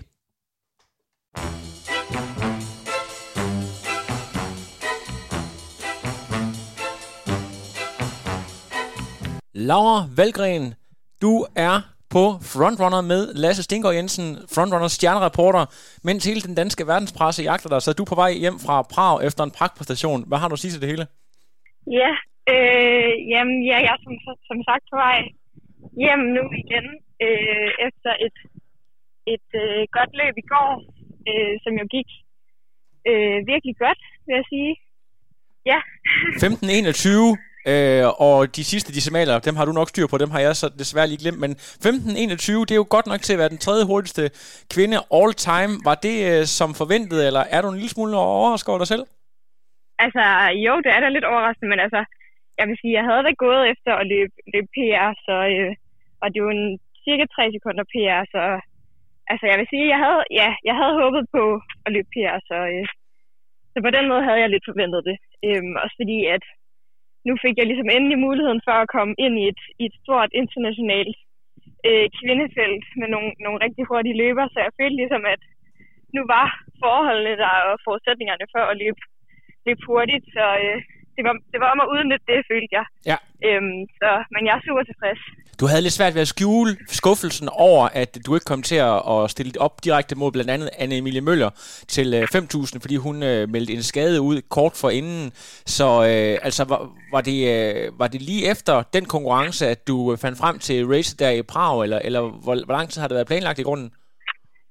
Øh, nej, det har egentlig været planlagt også før DM. Øh, jeg tror i en halvanden måned eller sådan noget. Øhm, jeg er jo ligesom, jeg er blevet knyttet op til en manager, som har øh, fået mig ind i det løb, og det var egentlig også meningen, at, øh, at Anna skulle løbe i det løb, så vi ligesom kom ind ja, sammen. Øhm, men ja, som sagt, så er hun jo lidt småskadet nu, øhm, så det blev bare mig, der, øh, der kom afsted. Øhm, nu, nu spørger ja. jeg bare ren interesse, fordi at øh, løb er jo en relativt lille sport, i, i hvert fald i Danmark stadigvæk. Det der med at have en manager, hvor normalt er det? Er det, er det fordi, at øh, du er så på, eller fordi du gerne vil, vil have fokus på at kunne træne, eller hvorfor skal man have en manager? Ja, det er egentlig også kommet meget bag på mig, men det er, det er noget med, at ligesom når man er nået det niveau, jeg har nu, så ligesom for at komme ind i, øh, i sådan store internationale løb, så kræver det bare, at man har en manager, der kan få en ind i løbende. Så sådan, hvis jeg, selvom jeg ligesom har løbet den tid, jeg havde på 15-24 før, så er det ligesom ikke nok. Altså, man skal ligesom have en manager til at få en ind. Øhm, så det er egentlig også det er, og det er også en lidt helt ny verden, der åbner sig for mig, at man skal det, men øh, sådan La- er det. Laura, altså for, for alle idioter, øh, der sidder derude, inklusive mig selv, som ikke ved så meget om løb igen, er det, er det politik? Er det simpelthen øh, folk, der, der skal, sådan skal trykke på de rigtige knapper for at kunne få dig ind? Ja, lige præcis. Altså, der går meget, har jeg fundet ud af, politik i den, øh, når det når op på det niveau, hvilket jo er... Jeg synes, det er lidt ærgerligt, at det, at det skal... Ja, at der skal gå så meget politik i den, og at det ikke ligesom... At resultaterne ikke bare taler for sig selv, eller tiderne, man har løbet. Øh, men ja, sådan er det åbenbart. Ja, det, øh, det er, har, du, har du egentlig nogensinde tænkt over, vi skal, vi skal lige snakke lidt mere specifikt om dit race, men jeg tænker på, du har jo et meget, meget karakteristisk udseende med dit lange, lange lyse hår og meget nordisk, skandinaviske udseende. Kan, kan du mærke, at det er noget, som... Øh, altså, det, det er jo sådan et, et brand, kan man sige på en eller anden måde. Kan, kan du mærke, at det hjælper dig, sådan, når du skal ud og promovere dig internationalt? internationalt? Øh, det ved jeg ikke helt. Altså jo, på, på nogle måder kan jeg egentlig godt, men altså, det er egentlig ikke så meget, noget, jeg har tænkt så meget over. Øh, men altså, jo, det er da klart, det er altså, karakteristisk, hvordan jeg ser ud. Så på den måde, øh, jo, er der jo noget branding i det. Øh, men ja, jeg ved ikke, hvor meget det har at sige i forhold til at komme ind i løbet, Ej, det, tror jeg ikke. Det, der skal lidt mere til, måske. Ja, det kan være, ja, det, jeg det, tror, der skal lidt mere til en, en noget langt hår for ja. at komme ind i et, i et hurtigt. Det kan være, at det kan kaste et, et Nike-sponsorat af sig senere, hvis ikke du, at de allerede har kontaktet dig. Vi skal lige prøve at tale lidt mere konkret om uh, dit race. Altså, uh, Øh, hollænderen Sifan Hassan er jo den helt store stjerne og lavede også et formidabelt øh, race. Øh, hvordan altså med dig selv, kan, når man er sammen med så store stjerner, bliver man en lille smule øh, starstruck, eller kan man fokusere 100% på sit eget race? øh, altså nej, jeg vil faktisk ikke sige, at jeg er sådan en, der bliver mega starstruck over de der hurtige, også fordi at, altså jeg ved jo, de er jo mennesker ligesom alle os andre, så øh, på den måde altså, bliver jeg ikke så påvirket, men altså, jeg vil sige, da jeg sådan så startlisten og så, hvor hurtigt det havde løbet, så tænkte jeg da også, øh, at jeg lige skulle, øh, altså, ja, lige skulle sådan hive mig selv i nakken, eller hvad man siger, og sådan ikke, ikke tro, at jeg bare kan følge med dem, øh, fordi at det ved jeg også, der er lige et, øh, et niveau til forskel der, øh, så, øh, så ja, jeg snakkede en lille smule med Thijs Nyhaus i går, fordi at, øh, jeg var i Aarhus og løbe, og så stod vi, og han, Thijs han havde vedet en Big Mac på, at du ville løbe under under 15-25, så den, den kom han jo så til at vinde, og, og øh, så skrev jeg lidt med ham efterfølgende, og han sagde, at øh, din første kilometer er mega hurtig. Er det sådan lidt det der med, at man bliver reddet en lille smule med, og, og måske kommer til at køre lidt for stærkt? Hvordan, øh, hvis du lige kan tage os igennem sådan øh, begyndelsen øh, og, og videre i, i, i konkurrencen, hvis du kan huske noget fra det der? ja, Jamen, det er faktisk lidt svært, altså nogle gange, når man skal huske tilbage, hvordan det lige øh, er gået, altså fordi man er, jeg tror, så fokuseret, men ja, det er rigtigt, altså jeg, det er meget svært i starten lige at styre sig, også fordi at, altså der vil jeg sige, der har jeg stadig noget at lære i forhold til det der med at ligge for hurtigt ud, og det var jeg det også, altså jeg var rimelig afklaret på forhånd, og sådan overbevist om, at jeg ville komme til at ligge for hurtigt ud, fordi de, var, de jo er så hurtige, de andre, øhm, også det, altså det er rigtig svært at mærke i starten, synes jeg, hvor hurtigt vi egentlig løber. Så øh, de første, øh, ja, hvad er det, de første to kilometer eller sådan noget, har vi, har vi ret hurtigt. Øh, jeg ved ikke, hvad vi lå til. Jeg tror 3.02 eller sådan noget per kilometer, så øh, det var hurtigt udlæg, men altså det havde jeg også regnet med. Øh, og så, ja, så efter det, så fandt jeg ligesom en gruppe at hænge på, som jeg egentlig er ret glad for, at jeg kunne følge med der. Øhm, og så med hvad, 1600 meter igen, tror jeg, så, øh, så følte jeg sgu lidt, øh, altså, at jeg havde lidt mere at give af, og så løb vi så op foran i den gruppe, øhm, og prøvede bare at hænge på, og så øh, i den ja, gruppe, jeg lå i der, så var der så en, der slog mig til sidst, men altså, jeg er rimelig tilfreds med også at få en 8. plads i det felt. Øh, det, det, det synes jeg selv er, ja. er rigtig fint. Sindssygt flot. Jeg, jeg prøvede lige, om jeg kunne finde noget video af det. Det har jeg desværre ikke kunnet endnu. Jeg tror, det ligger måske på den samlede. Der er sådan en øh, to og en halv time for det hele, men øh, der var sådan en kort klip fra, fra de førende kvinder med Sifan Hassan der. Det, jeg lægger mærke til, da hun sådan sprinter, at øjnene, de, sådan, de flakker. Altså, hvor jeg, jeg vil sådan instinktivt tro, at det handler om at, sådan at holde fokus på banen, og man var man så om, at hun hele tiden kiggede ud, kan du prøve, altså hvad er det, der sker, når man er der i det sidste? Bruger man på at, at holde øje med, med bestemte tider, eller, eller sådan, når, når man er i de der, du ved, når, når man åbner øh, for det sidste, man har, uh, let, the, let the rest out, kan man sige. Hvad, hvad er det, der foregår ind i hovedet på, en, på det tidspunkt? Ja, altså jeg vil sige, de sidste par runder, altså for mit vedkommende i hvert fald, der havde jeg der havde jeg meget egentlig fokus på, på tiden, og se, altså om jeg ja. kunne løbe PR. Øhm, så sådan, ja, man lukker egentlig lidt af, altså alt andet ude. Jeg kan også huske, at jeg kommer til at træde nogen i hælene, og der er vist en, altså jeg tror bagefter løbet, der tror jeg egentlig, at hun væltede. Men så når jeg sådan tænker nærmere over det, så, så tror jeg ikke, hun væltede alligevel. Altså det er, sådan, det er meget mærkeligt det der med, at der er nogle ting, man bare overhovedet ikke kan huske på løbet, fordi man ligesom er så fokuseret. Ja. Så jeg vil sige, ja, for mit vedkommende, der sådan, de sidste par runder, der, øh, der var det bare om at altså, løbe alt, hvad jeg kunne, og, og se, om jeg kunne løbe PR. Øhm, ja. Og det, og det lykkedes så heldigvis fantastisk. Hvor, hvor, hvor, hvornår ved man det? Ved man det først, når man ser uret, eller har man en fornemmelse af, wow, det gik stærkt. Jeg tror faktisk, at den var der, inden man ser øh, tiderne faktuelt øh, in face. Øh, altså, ej, jeg vidste godt, da jeg løb over målstregen, at jeg havde løbet en, en lille PR. Jeg var lidt i tvivl om, hvor, hvor, hvor, hvor mange sekunder det lige drejede sig om, men, ja. men jeg var rimelig sikker på, at jeg havde løbet PR der. Jamen, det er jo simpelthen så forrygende. Og øh, nu er du jo så på vej. Jeg ved, du er sådan en person, der, der elsker rigtig meget. Nej, vi har lige noget, vi skal snakke om. Der er en lille sjov detalje, jeg også har set på din story. Øh, du, du har lige glemt, at du ikke har ur på, og du er ikke ude at træne, så du laver lige sådan en bevægelse for at gå ned og, og slukke din Garmin. Kan du lige kommentere på det? Hold kæft, man, en kejle.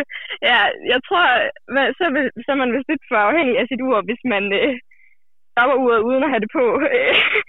Jamen, det er fordi, at jeg, altså, jeg har egentlig været, haft en dårlig vane med at altså, have ur på, når vi har løbet altså, tracks og forskellige andre banestævner og sådan noget. Øhm, fordi at, ja, jeg ved egentlig ikke hvorfor, men, men så sådan til det her løb, altså normalt siger man jo, at man skal til uret af, når man løber på banen. Og så, øh, så tænker jeg sådan til det her løb, at nu, nu må det være tiden. Altså alle, alle de andre havde jo heller ikke ur på, så jeg tænkte nu, altså, og man bruger det jo ikke undervejs overhovedet, men altså jeg er jo bare vant til altid at have det, have det på. Så jeg tror bare, det var sådan, ja, autopilot, at jeg troede, altså, ja, det gjorde som om, jeg skulle stoppe noget, der ikke var der. Ja, det, er jo, det er jo også fascinerende, det der med, at man er så, altså du ved, at, at man arbejder så meget på instinkt, at, øh, ja, at, at ja. det hele det foregår automatisk. Det, det fortæller jo også lidt om, hvor, hvor, hvilke grænser man er ude i, så det, jeg synes, det er sindssygt fascinerende, det må jeg simpelthen sige. Jeg har lige et, et par follow-up spørgsmål her. Du er jo en, det, man kalder for en high mileage girl, der, der ligger og, og tager 180 km om ugen, når du træner allermest. Hvad ligger du egentlig på nu her, og sådan, hvilke tempi løber du typisk i? Ikke fordi du sådan skal gå ind og, og dissekere hver enkelt uge, men, men, men sådan øh, dit de, ugetal nu her, når du ligger med i, i konkurrenceuge og sådan noget? Altså, du tænker på, hvor mange kilometer jeg løber? Ja, vel, altså, altså, ja, og, og, og, ja, og, sådan, og, og, og, og sådan, er det, er det rolig tur, eller er det sådan færre kilometer med højere tempi, øh, tempo, du, du ligger i nu her, eller hvordan, øh, hvordan er det fordelt? Øhm, ja, altså i forhold til det, der har jeg nok også stadig meget at lære, fordi jeg er jo ikke så god til at, og til det der med nedtrapning og sådan noget. Øhm, så faktisk, altså alle andre løb, jeg har løbet i år, der har jeg faktisk ikke brudt på noget. Altså jeg har ikke trappet ned til nogen øh, løb egentlig overhovedet, men altså til det her løb, der vil jeg sige, søndag og mandag har jeg løbet lidt, altså færre kilometer, end jeg plejer, men altså det er ikke fordi, jeg har skruet voldsomt meget ned. Øhm, så jeg har det stadig, jeg ved faktisk ikke, hvad jeg har haft på ugen, altså måske sådan, i stedet for 180 km, så har jeg 150 eller 160 eller sådan noget. Ja. Øhm, så det er ikke fordi, jeg er så god til at skrue voldsomt meget ned. Det lyder lidt, øhm, det lyder lidt ja. soft, men nu kommer jeg selvfølgelig også fra triathlon-verdenen, så der skal meget til at chokere mig. Men øh, jeg synes, at øh, jeg synes, det er fascinerende. Hvad hedder det, når du nu har sådan en lang rejse, der, jeg ved, du er også rigtig glad for CrossFit. Er det sådan noget, det der med, det, ja. det er lidt svært at komme ud og, og løbe, at man lige kan lave en workout of the day i lufthavnen eller et eller andet, øh, så du lige føler, at du får lidt træning. Hvordan, hvordan er det med det? Ja, altså, jeg vil sige, jeg har svært med de her lange øh, rejsedage, øh, når jeg ikke ligesom kan have min faste rutine og træne så meget, som jeg plejer og sådan noget. Men øh, altså, jeg har da forudset, at når vi mellemlander i, i Polen, så, så håber jeg da, at jeg kan snige mig ud og få en lille løbesur eller et eller andet.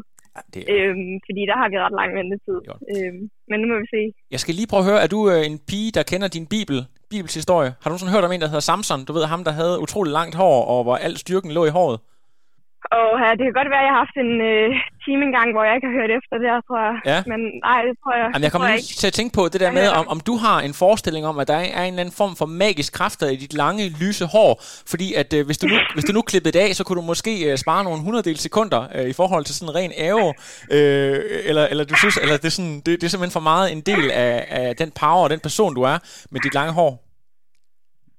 Jo, men jeg har da godt øh, overvejet flere gange, om... Øh, der lige ligger et par sekunder, hvis jeg klipper det hele af. Ja. Øhm, jeg tvivler. Altså, jeg vil sige, det, det er som, også som om, at altså, nu hvor det er så langt, så er det lidt blevet en del af min identitet, hvis man kan sige det sådan. Så er det lidt svært at klippe ja. det af, men øh, ej, jeg har, jeg har godt overvejet, om, om, der er, om der er noget at hente der. Ja. Jeg vil anbefale dig, at hvis du lige på din hjemtur her, så kan du gå ind på YouTube og så søge på øh, Tour de France på Champs-Élysées 1989, hvor øh, Greg LeMond, han skal køre mod Le Professeur, der har den her øh, hestehale, der ender med at, Laurent Fillon, der ender med at koste ham øh, 8 sekunder og tursejren. Så kan du lige øh, overveje det lidt, men, øh, men, øh, men, men ellers så vil jeg, så vil jeg, jeg er jo stor fan af, af det udseende, du har. Øh, jeg tror også, det kan blive en del af dit brand. Så behold du bare håret, det var bare ren spekulation fra min side. Øhm, tror du, der står der en, ud, hvad hedder det, sådan en velkomstkommenté fra Odense Atletik, når du øh, kommer hjem? Det ved jeg ikke, det tvivler jeg på. det, det tror jeg ikke umiddelbart, men øh, det må vi se. Du, du, du lever et liv i fuldstændig stillhed, der er ikke nogen, der opdager noget? Ej, må ikke, at, de, øh, at der er nogen, der har, har opdaget det og set det. Det, er, det håber jeg da. Er der nogle journalister, sådan noget, der har kontaktet dig, eller er Frontrunner først på historien?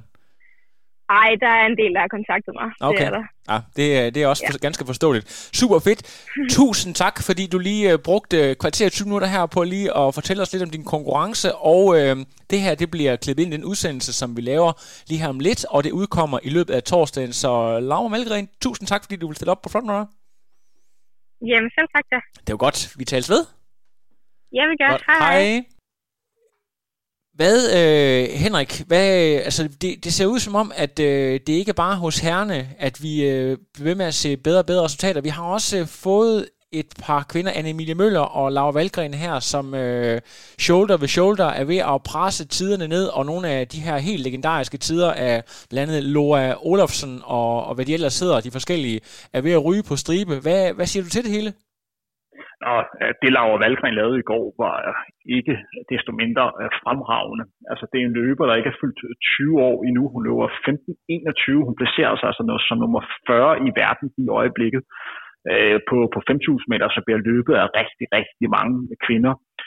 Annemil Møller har jo løbet 15.07, og vi har også en Maja Alm, så vi har altså tre danske løbere, som ligger og alle sammen kan have gode muligheder for at komme med til OL på, på 5.000 meter.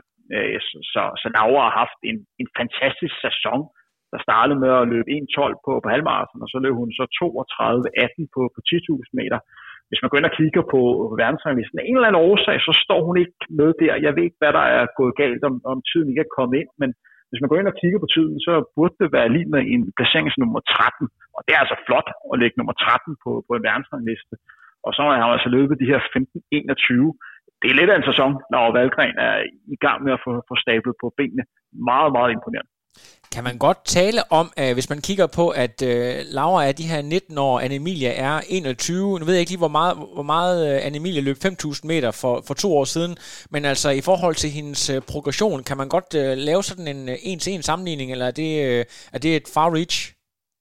Det er svært at lave en sammenligning, for det er to forskellige løber. Øh, det man også skal være opmærksom på ved Laura Valgren, det er, at hun har en enorm træningsmængde. Hun ligger og træner, vi har jo selv snakket med hende her på, på Frontrunner, hvor hun ligger og træner 160-180 km kombineret med, med cykling og, og crossfit-træning, og det har hun gjort et, et stykke tid nu. Hun har kunnet slippe øh, for de, de værste skader, men hvis du kan holde til den hårde træning, og du har talentet, så bliver du altså god. Øh, men det store spørgsmål for Laura, det er, kan hun fortsætte den her udvikling her de, øh, de, de kommende år? Øh, for hun restitueret godt nok? for hun, får hun truffet de, de rigtige valg? Hun er blevet færdig med øh, gymnasiet. Hvad skal der ske nu for, for Laura? Der er nogle masse store spørgsmål, som er rigtig vigtige for hendes, for hendes udvikling.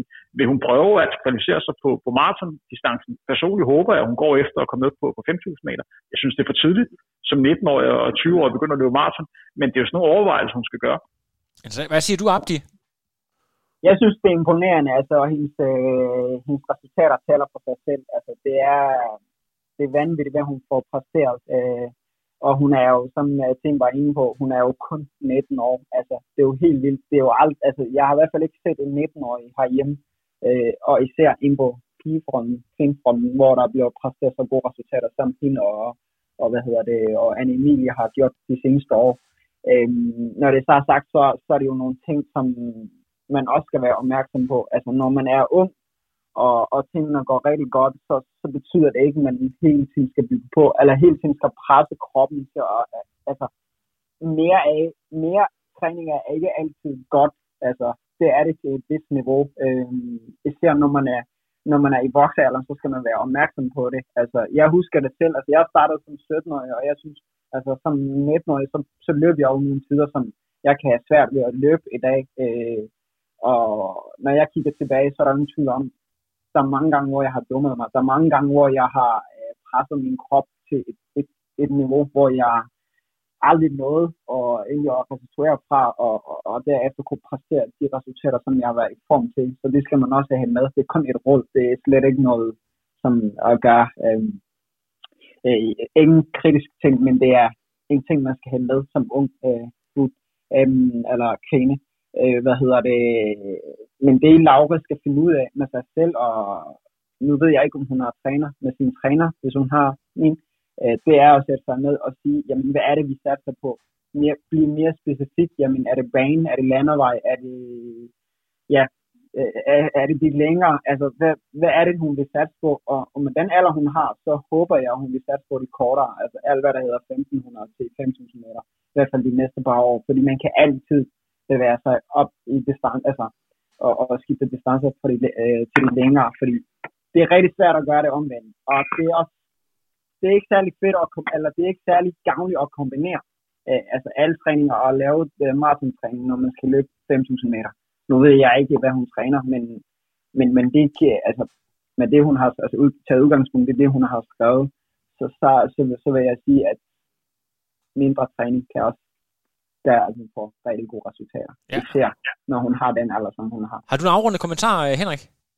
Ja, og så en ting, som det også vil være godt for hende. Nu har hun haft en sæson, hvor hun her hjemme i Danmark har ligget og vundet i, i rigtig mange løb, og mange løb har hun vundet rimelig suverænt, fordi hun har manglet modstand, blandt andet fordi Anne-Emilie har haft en lidt svær sæson med nogle skader, hun har også flyttet hjem til Danmark. Men det er faktisk meget godt for hende, og, og nu er det jo lidt svært at, at rejse rigtig meget i, i de her coronatider, men det ville ikke være helt tosset at komme ned i sted, hvor hun kunne få lidt, øh, få lidt tæsk. Øh, man lærer altså at blive udfordret af andre stærke løber, øh, så man kan se, okay, jeg bliver altså også nødt til at blive, blive ved med at træne struktureret, jeg bliver ved med at arbejde, øh, fordi man lærer meget ved at få de her succesoplevelser, men man lærer endnu mere, når tingene går lidt mod en. Ja, interessante point vi, vi øh, skal til at efterhånden runde programmet af, men øh, vi har jo talt meget om, at det kunne være sjovt at prøve at lave sådan en øh, 2020-rangliste i forhold til de præstationer, vi har set, og så øh, løbende, som, øh, som sæsonen skrider frem, så kan vi jo så øh, sætte den øh, ind i forhold til, hvad, hvad vi sådan tænker. Har du tænkt på, øh, på, jeg ved ikke, om du også har et par stykker op, men hvis du lige starter, Henrik, øh, sådan tre øh, præstationer, vi har set i år øh, på sådan en rangliste, hvad, hvad, hvad, hvad springer sådan lige i, i øjnene og, og ørerne for dit vedkommende? Der er jo lavet rigtig mange gode præstationer i, i 2020, og det er rigtig meget svært, eller det er svært at pege ind. Og hvordan skal man definere, hvad der er en god øh, præstation? Øh, for mig, at de løber, som jeg har valgt, er der også noget i det med, at det kom sådan lidt uventet, at jeg ikke havde regnet med det. Blandt andet har jeg ikke taget Ole Hestelbjergs tid med på 8 forandring, som er en, en tid. Det er en virkelig god tid på 60 forandring. Simpelthen fordi, at jeg regnede med, at han kunne løbe øh, den tid. Så det kom ikke som en helt stor overraskelse for mig, at han har et niveau nu, der gør, at OL 2021 er meget sandsynligt for ham. Men de tre løber, jeg har taget, det er, at øh, Thijs maratonløb i, i februar, hvor han løb de her to timer, øh, 10 minutter og 58 sekunder, øh, fordi det var et løb, hvor han sprang øh, sit hidtidige øh, niveau Øh, det er jo en tid, som øh, matcher det, som Abdi har løbet på maraton. Den store forskel på Abdi og Thijs, det er, at Abdi har flere gange haft, øh, haft løb, hvor han blandt andet ligger blevet nummer 5 til, til Europamesterskabet på, på halvmarathon. Han har løbet rigtig stærkt til, til BM også på, på halvmarathon, og i flere løb også ved Europamesterskabet i cross, vist, han har haft et rigtig højt niveau, når han ramte øh, dagen. Men det her maratonløb, der sprang Thijs ikke kun niveau over, men nærmest to niveauer over, fordi det var en helt fantastisk dag, han havde der. Fedt. Og så har jeg taget uh, Laura Valgren uh, med. Jeg har nævnt det før med hendes 2020 sæson. Jeg kan ikke sige, hvad for en tid, der er bedst, men hun har bare været god hele vejen i året. Og så har jeg taget to unge løber, som jeg i princippet har sat øh, op imod hinanden. Jeg skal ikke begynde at afgøre, hvad der er bedst af Joel og Axels tider. Den ene er lidt ældre end den anden. Jeg kan bare konstatere, at Joel og Axel de fortjener en plads, og de fortjener at dele den. Ah, fedt. Har, Abdi, har du, øh, har du nogen, vi har overset, eller er du sådan lidt på bølgelængde med, med det, som Henrik nævner her? Ja, og der er der mange gode resultater, men jeg tror, jeg har set dem på en helt anden måde. Altså, jeg har taget øh, faktisk i min liste, så indgår der faktisk en, øh, en der slet ikke er løber, men er kaster. Altså, øh, ja, altså på min første plads, der har jeg Katrine Pepe, som har, som har kastet, øh, som har haft fantastisk 2020, øh, hvor hun har haft 10 kast, og 9 af dem har været over 58. Og det, der skal nævnes, det er, at tilbage i øh, start af august, 2. august, øh, der har hun sat dansk rekord over 60. Den første dansk kvinde, som har kastet over 60 øh, meter i diskus. Øhm, hvilket jeg synes er vanvittigt. Altså, og det er noget, man ikke taler særlig meget om. Altså, der er ikke nogen, der har fokus på det, synes jeg. Øh, og derfor synes jeg, at hun fortjener plads nummer et. Øh, nummer to har jeg taget med, øh, fordi altså, num- nummer to er øh, UH, som vandt øh, dobbelt DM, øh, som jeg synes er vanvittigt. Altså, det er, altså, er der noget, jeg går meget op i, så er det at vinde dobbelt. Øh, det har kun lykkedes mig én gang, og altså, det føles fedt. Det er, det er fantastisk. Og gør det på nogle distancer, som er som har så højt niveau, og, øh, og især på 800 meter, hvor vi har en Andreas Bube, som har, jamen, altså, der har ikke været nogen, der har ikke været nogen, der har været i nærheden af ham. Øh, og at UH kommer og fuldstændig vinder med så overlang øh, på begge distancer, det, er, det kræver altså respekt, og det er en, en mand, der har det er en mand, der kender sin besøgstid, og det er en mand, der har toppet det rigtige tidspunkt, så respekt for det. Han går med min nummer to. Fedt. Nummer tre, det er faktisk nøjagtigt. Jeg har også øh, de to unge, øh, som jeg synes er, det er imponerende, og de viser vejen frem til øh, alle dem, der går for tidligt i byen, så har fået sat hvad hedder det, på sporten. Vores, vores fremtid, fremtiden for dansk løb. Lad dette være ordene for vores episode af Frontrunner, vores nyhedsmagasin. Hvordan går det i øvrigt, Henrik, med at finde et nyt navn? Øh, vi mangler stadigvæk nogle øh, gode bud for vores, øh, for vores lytter. Øh, jeg må sige, jeg plejer normalt at være meget kreativ, men lige her, der er gået lidt i stå, så jeg har altså brug for hjælp. Så kære lytter, det er ikke nok. Gerne lige tænke på et fedt navn her. Til, og det kan man skrive på Instagram eller Facebook? Alle steder. Alle steder? Må jeg lige spørge, hvad er det, hvad er det til? Det er til det her program. Øh, det er til vores øh, nyhedsmagasin, så vi simpelthen ja. får et, et fængende navn, så folk er klar over, okay, nu skal vi blive opdateret på, hvad der sker i løbeverden lige nu. Uh, Lasse, må jeg lige stille op et spørgsmål? Det kan du tro. Inden vi, inden vi lukker ned. Ham der, den svenske gut, Emil ja. La, uh, Olivier, Mm. Uh, hvad er dit indtryk af ham? Fordi i fredags, det med, jeg nævnte før, stille op 19 år, stille op med handsker, vælge at bryde en aftale med dig ja. og David Nielsen og løbe med de, de første løbere, som er nogle af de bedste løbere i, i verden. Og, ja. og så kommer Moe og overhælder ham. Så følger han med. Så er ja. 400 meter, så følger han bare med.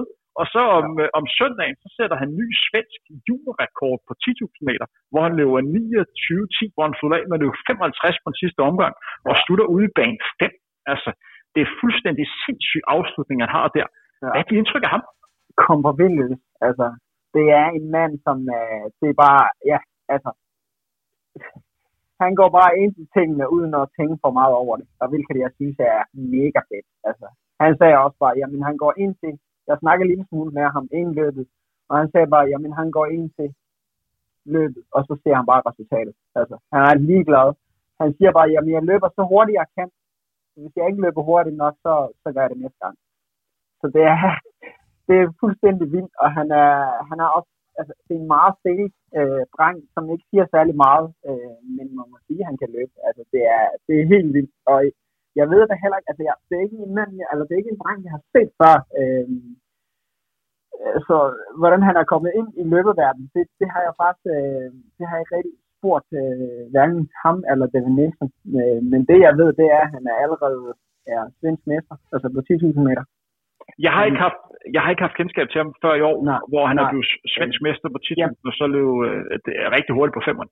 Ja, præcis, og han går efter for at løbe under, under 28 øh, næste weekend i Leiden, øh, hvor jeg også øh, prøver at blive faktisk til at blive stillet op. Ikke? Og sådan, øh, men øh, det, er, det er en mand, vi kommer til at, eller ja, altså det er en ung gut, vi kommer til at se meget til. Øh, og det er, det er en speciel løber. Det er en, ja, jeg ved ikke, hvor, hvordan, altså, øh, hvordan han går, hvordan han løber så hurtigt. Øh, andet end, øh, selvfølgelig, han træner jo utrolig meget. Han løber alle distancer. Øh, vi har den samme manager, som jeg har snakket en lille smule med, og han sagde, jamen, jamen han har også deltaget i den der linje 1 løbet, øh, hvor de løber 30 km terrænløb, ikke? Og ja, og så tænkte jeg, jamen, det er jo vanvittigt, altså, at han både skal løbe langt, kort, men samtidig rigtig, rigtig hurtigt. Øh, og ja, intet mindre end imponerende. Altså, det er helt vildt i hvert fald, hvad han får præsteret. Men lad os se, altså, vi har jo set før øh, folk, der kommer og løber vanvittigt stærk i en sæson, og så er de væk næste gang. Man skal være en lidt speciel løber, når man vælger i et, et så profileret løb som, som Finnkampen, hvor han sætter den her svensk juniorkort, og, øh, og simpelthen bare smadrer sine to svenske øh, øh venner, og så slutter ude i bane 5. Jeg vil ja. nok, hvis jeg var medløber der, blive sådan en lille smule småirriteret.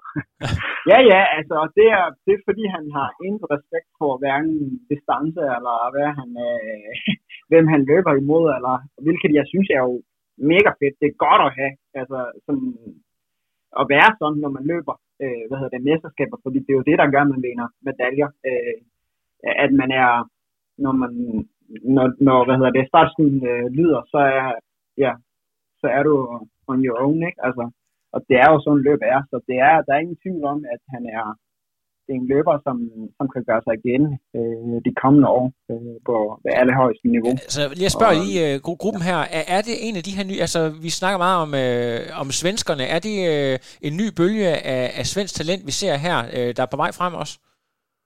Niveauet i Sverige er ekstremt højt i øjeblikket, som det også er i, i Norge og i, i Danmark. Jeg nævnte det i vores udsendelse i sidste uge, men Emil satte svensk juniorrekord ved et kompristævne i Göteborg, hvor han løb 13.29. Der var altså syv svensker, der lå under 14 minutter på, på 5.000 meter. Øh, og der var en 8. Øh, løber, der løb 14.00. Der er også en øh, Sufan Hassan, øh, som løb 13.18 og meget tæt på den, øh, den svenske rekord. Så der sker bare noget i Norden i øjeblikket. Man havde også en 3000 meter i, i Norge i weekenden, hvor otte løber løb under 8 minutter på, på 3000 meter. Og hvis du lige tager de tre Ingebrigtsen-brødre med, som ikke var med i det løb, så står man altså rigtig, rigtig godt i Norge. Det er jo sjældent, man, øh, man, altså, man må sige, man er nødt til også at have det her år med, fordi der er jo sket meget. Altså, øh, en ting, der er sket, det er jo det her med, at alting er blevet sådan meget mere utraditionelt. Altså det er stævner, der løbes, det er meget pop-up stævner, og folk har bare fået mere tid til at restituere. Øh, jeg tror faktisk, det er det, der, er, der har manglet øh, i de andre år, hvor øh, programmerne har været meget kompakte, og der har næsten ikke været luft i, i, i hvad hedder det, folks kalender, hvor man skulle øh, så hurtigt fra A til B få det den næste stævne. Ikke? Altså, øhm, så i år har de faktisk haft altså, de har i hvert fald givet øh, hvad hedder det, de forskellige løbere tid til at komme sig efter, når de har trænet, når de har løbet stævner osv., så der har været luft imellem øh, de her stævner. Øh, men så er der jo sket så meget andet, at, at, at jamen, løb er, jeg siger eliten, der, altså, det, der er sket et løft, altså, øh, for over hele banen, det kan vi jo selv fornemme herhjemme. Altså, du, skal, du kan jo ikke længere få, du kan jo ikke komme ind på top 5 på 5.000 meter, hvis du løber 14.30 herhjemme. Det kan du jo ikke. Og det, øh, det, det ses jo også rundt i Europa, at du skal virkelig løbe altså, øh, under, langt under 14 for overhovedet kunne have, øh, for at kunne have mulighed for at tage medalje. Fascinerende. Det kan være, at vi skal overveje, Henrik, og så invitere nogle skandinaver ind til at være gæster i den kommende tid, hvis de, for, hvis de taler et fornuftigt engelsk, eller hvad vi skal finde ud af, om vi kan have sådan et, et fælles skandinavisk sprog. Det må vi lige se på. Jeg ved i hvert fald, at øh, vi har en del lyttere både i, i Sverige og i Norge, så det kan, det kan sagtens være, ja. øh, være tilfældet. Fremragende. Jeg, øh, vi har jo øh, vi er oppe på sådan et rigtig marathon-show. Jeg ved ikke, hvad rekorden er for Frontrunner, men vi, øh, hvis nu at de interview bliver klippet ind, så øh, når vi i hvert fald op over to timer. Så jeg tror, det er på tide at runde af. Og så skal I huske på derude, at I kan finde os på stort set alle tjenester. Det er altså SoundCloud, Spotify og iTunes. Og hvis I alligevel er inde på iTunes, så husk lige at give os en anmeldelse. Det er ved at være noget tid siden. De anmeldelser, det betyder altså, at øh, folk har nemmere ved at finde os, når de søger på løbepodcast og videre. Og hvis man øh, også vil give en øh, rating, så er fem stjerner heller ikke noget, vi vil sige nej til. Øh, tusind tak, fordi I lyttede med, og øh, I kan høre os igen på næste torsdag. Thank you guys. Stay tuned.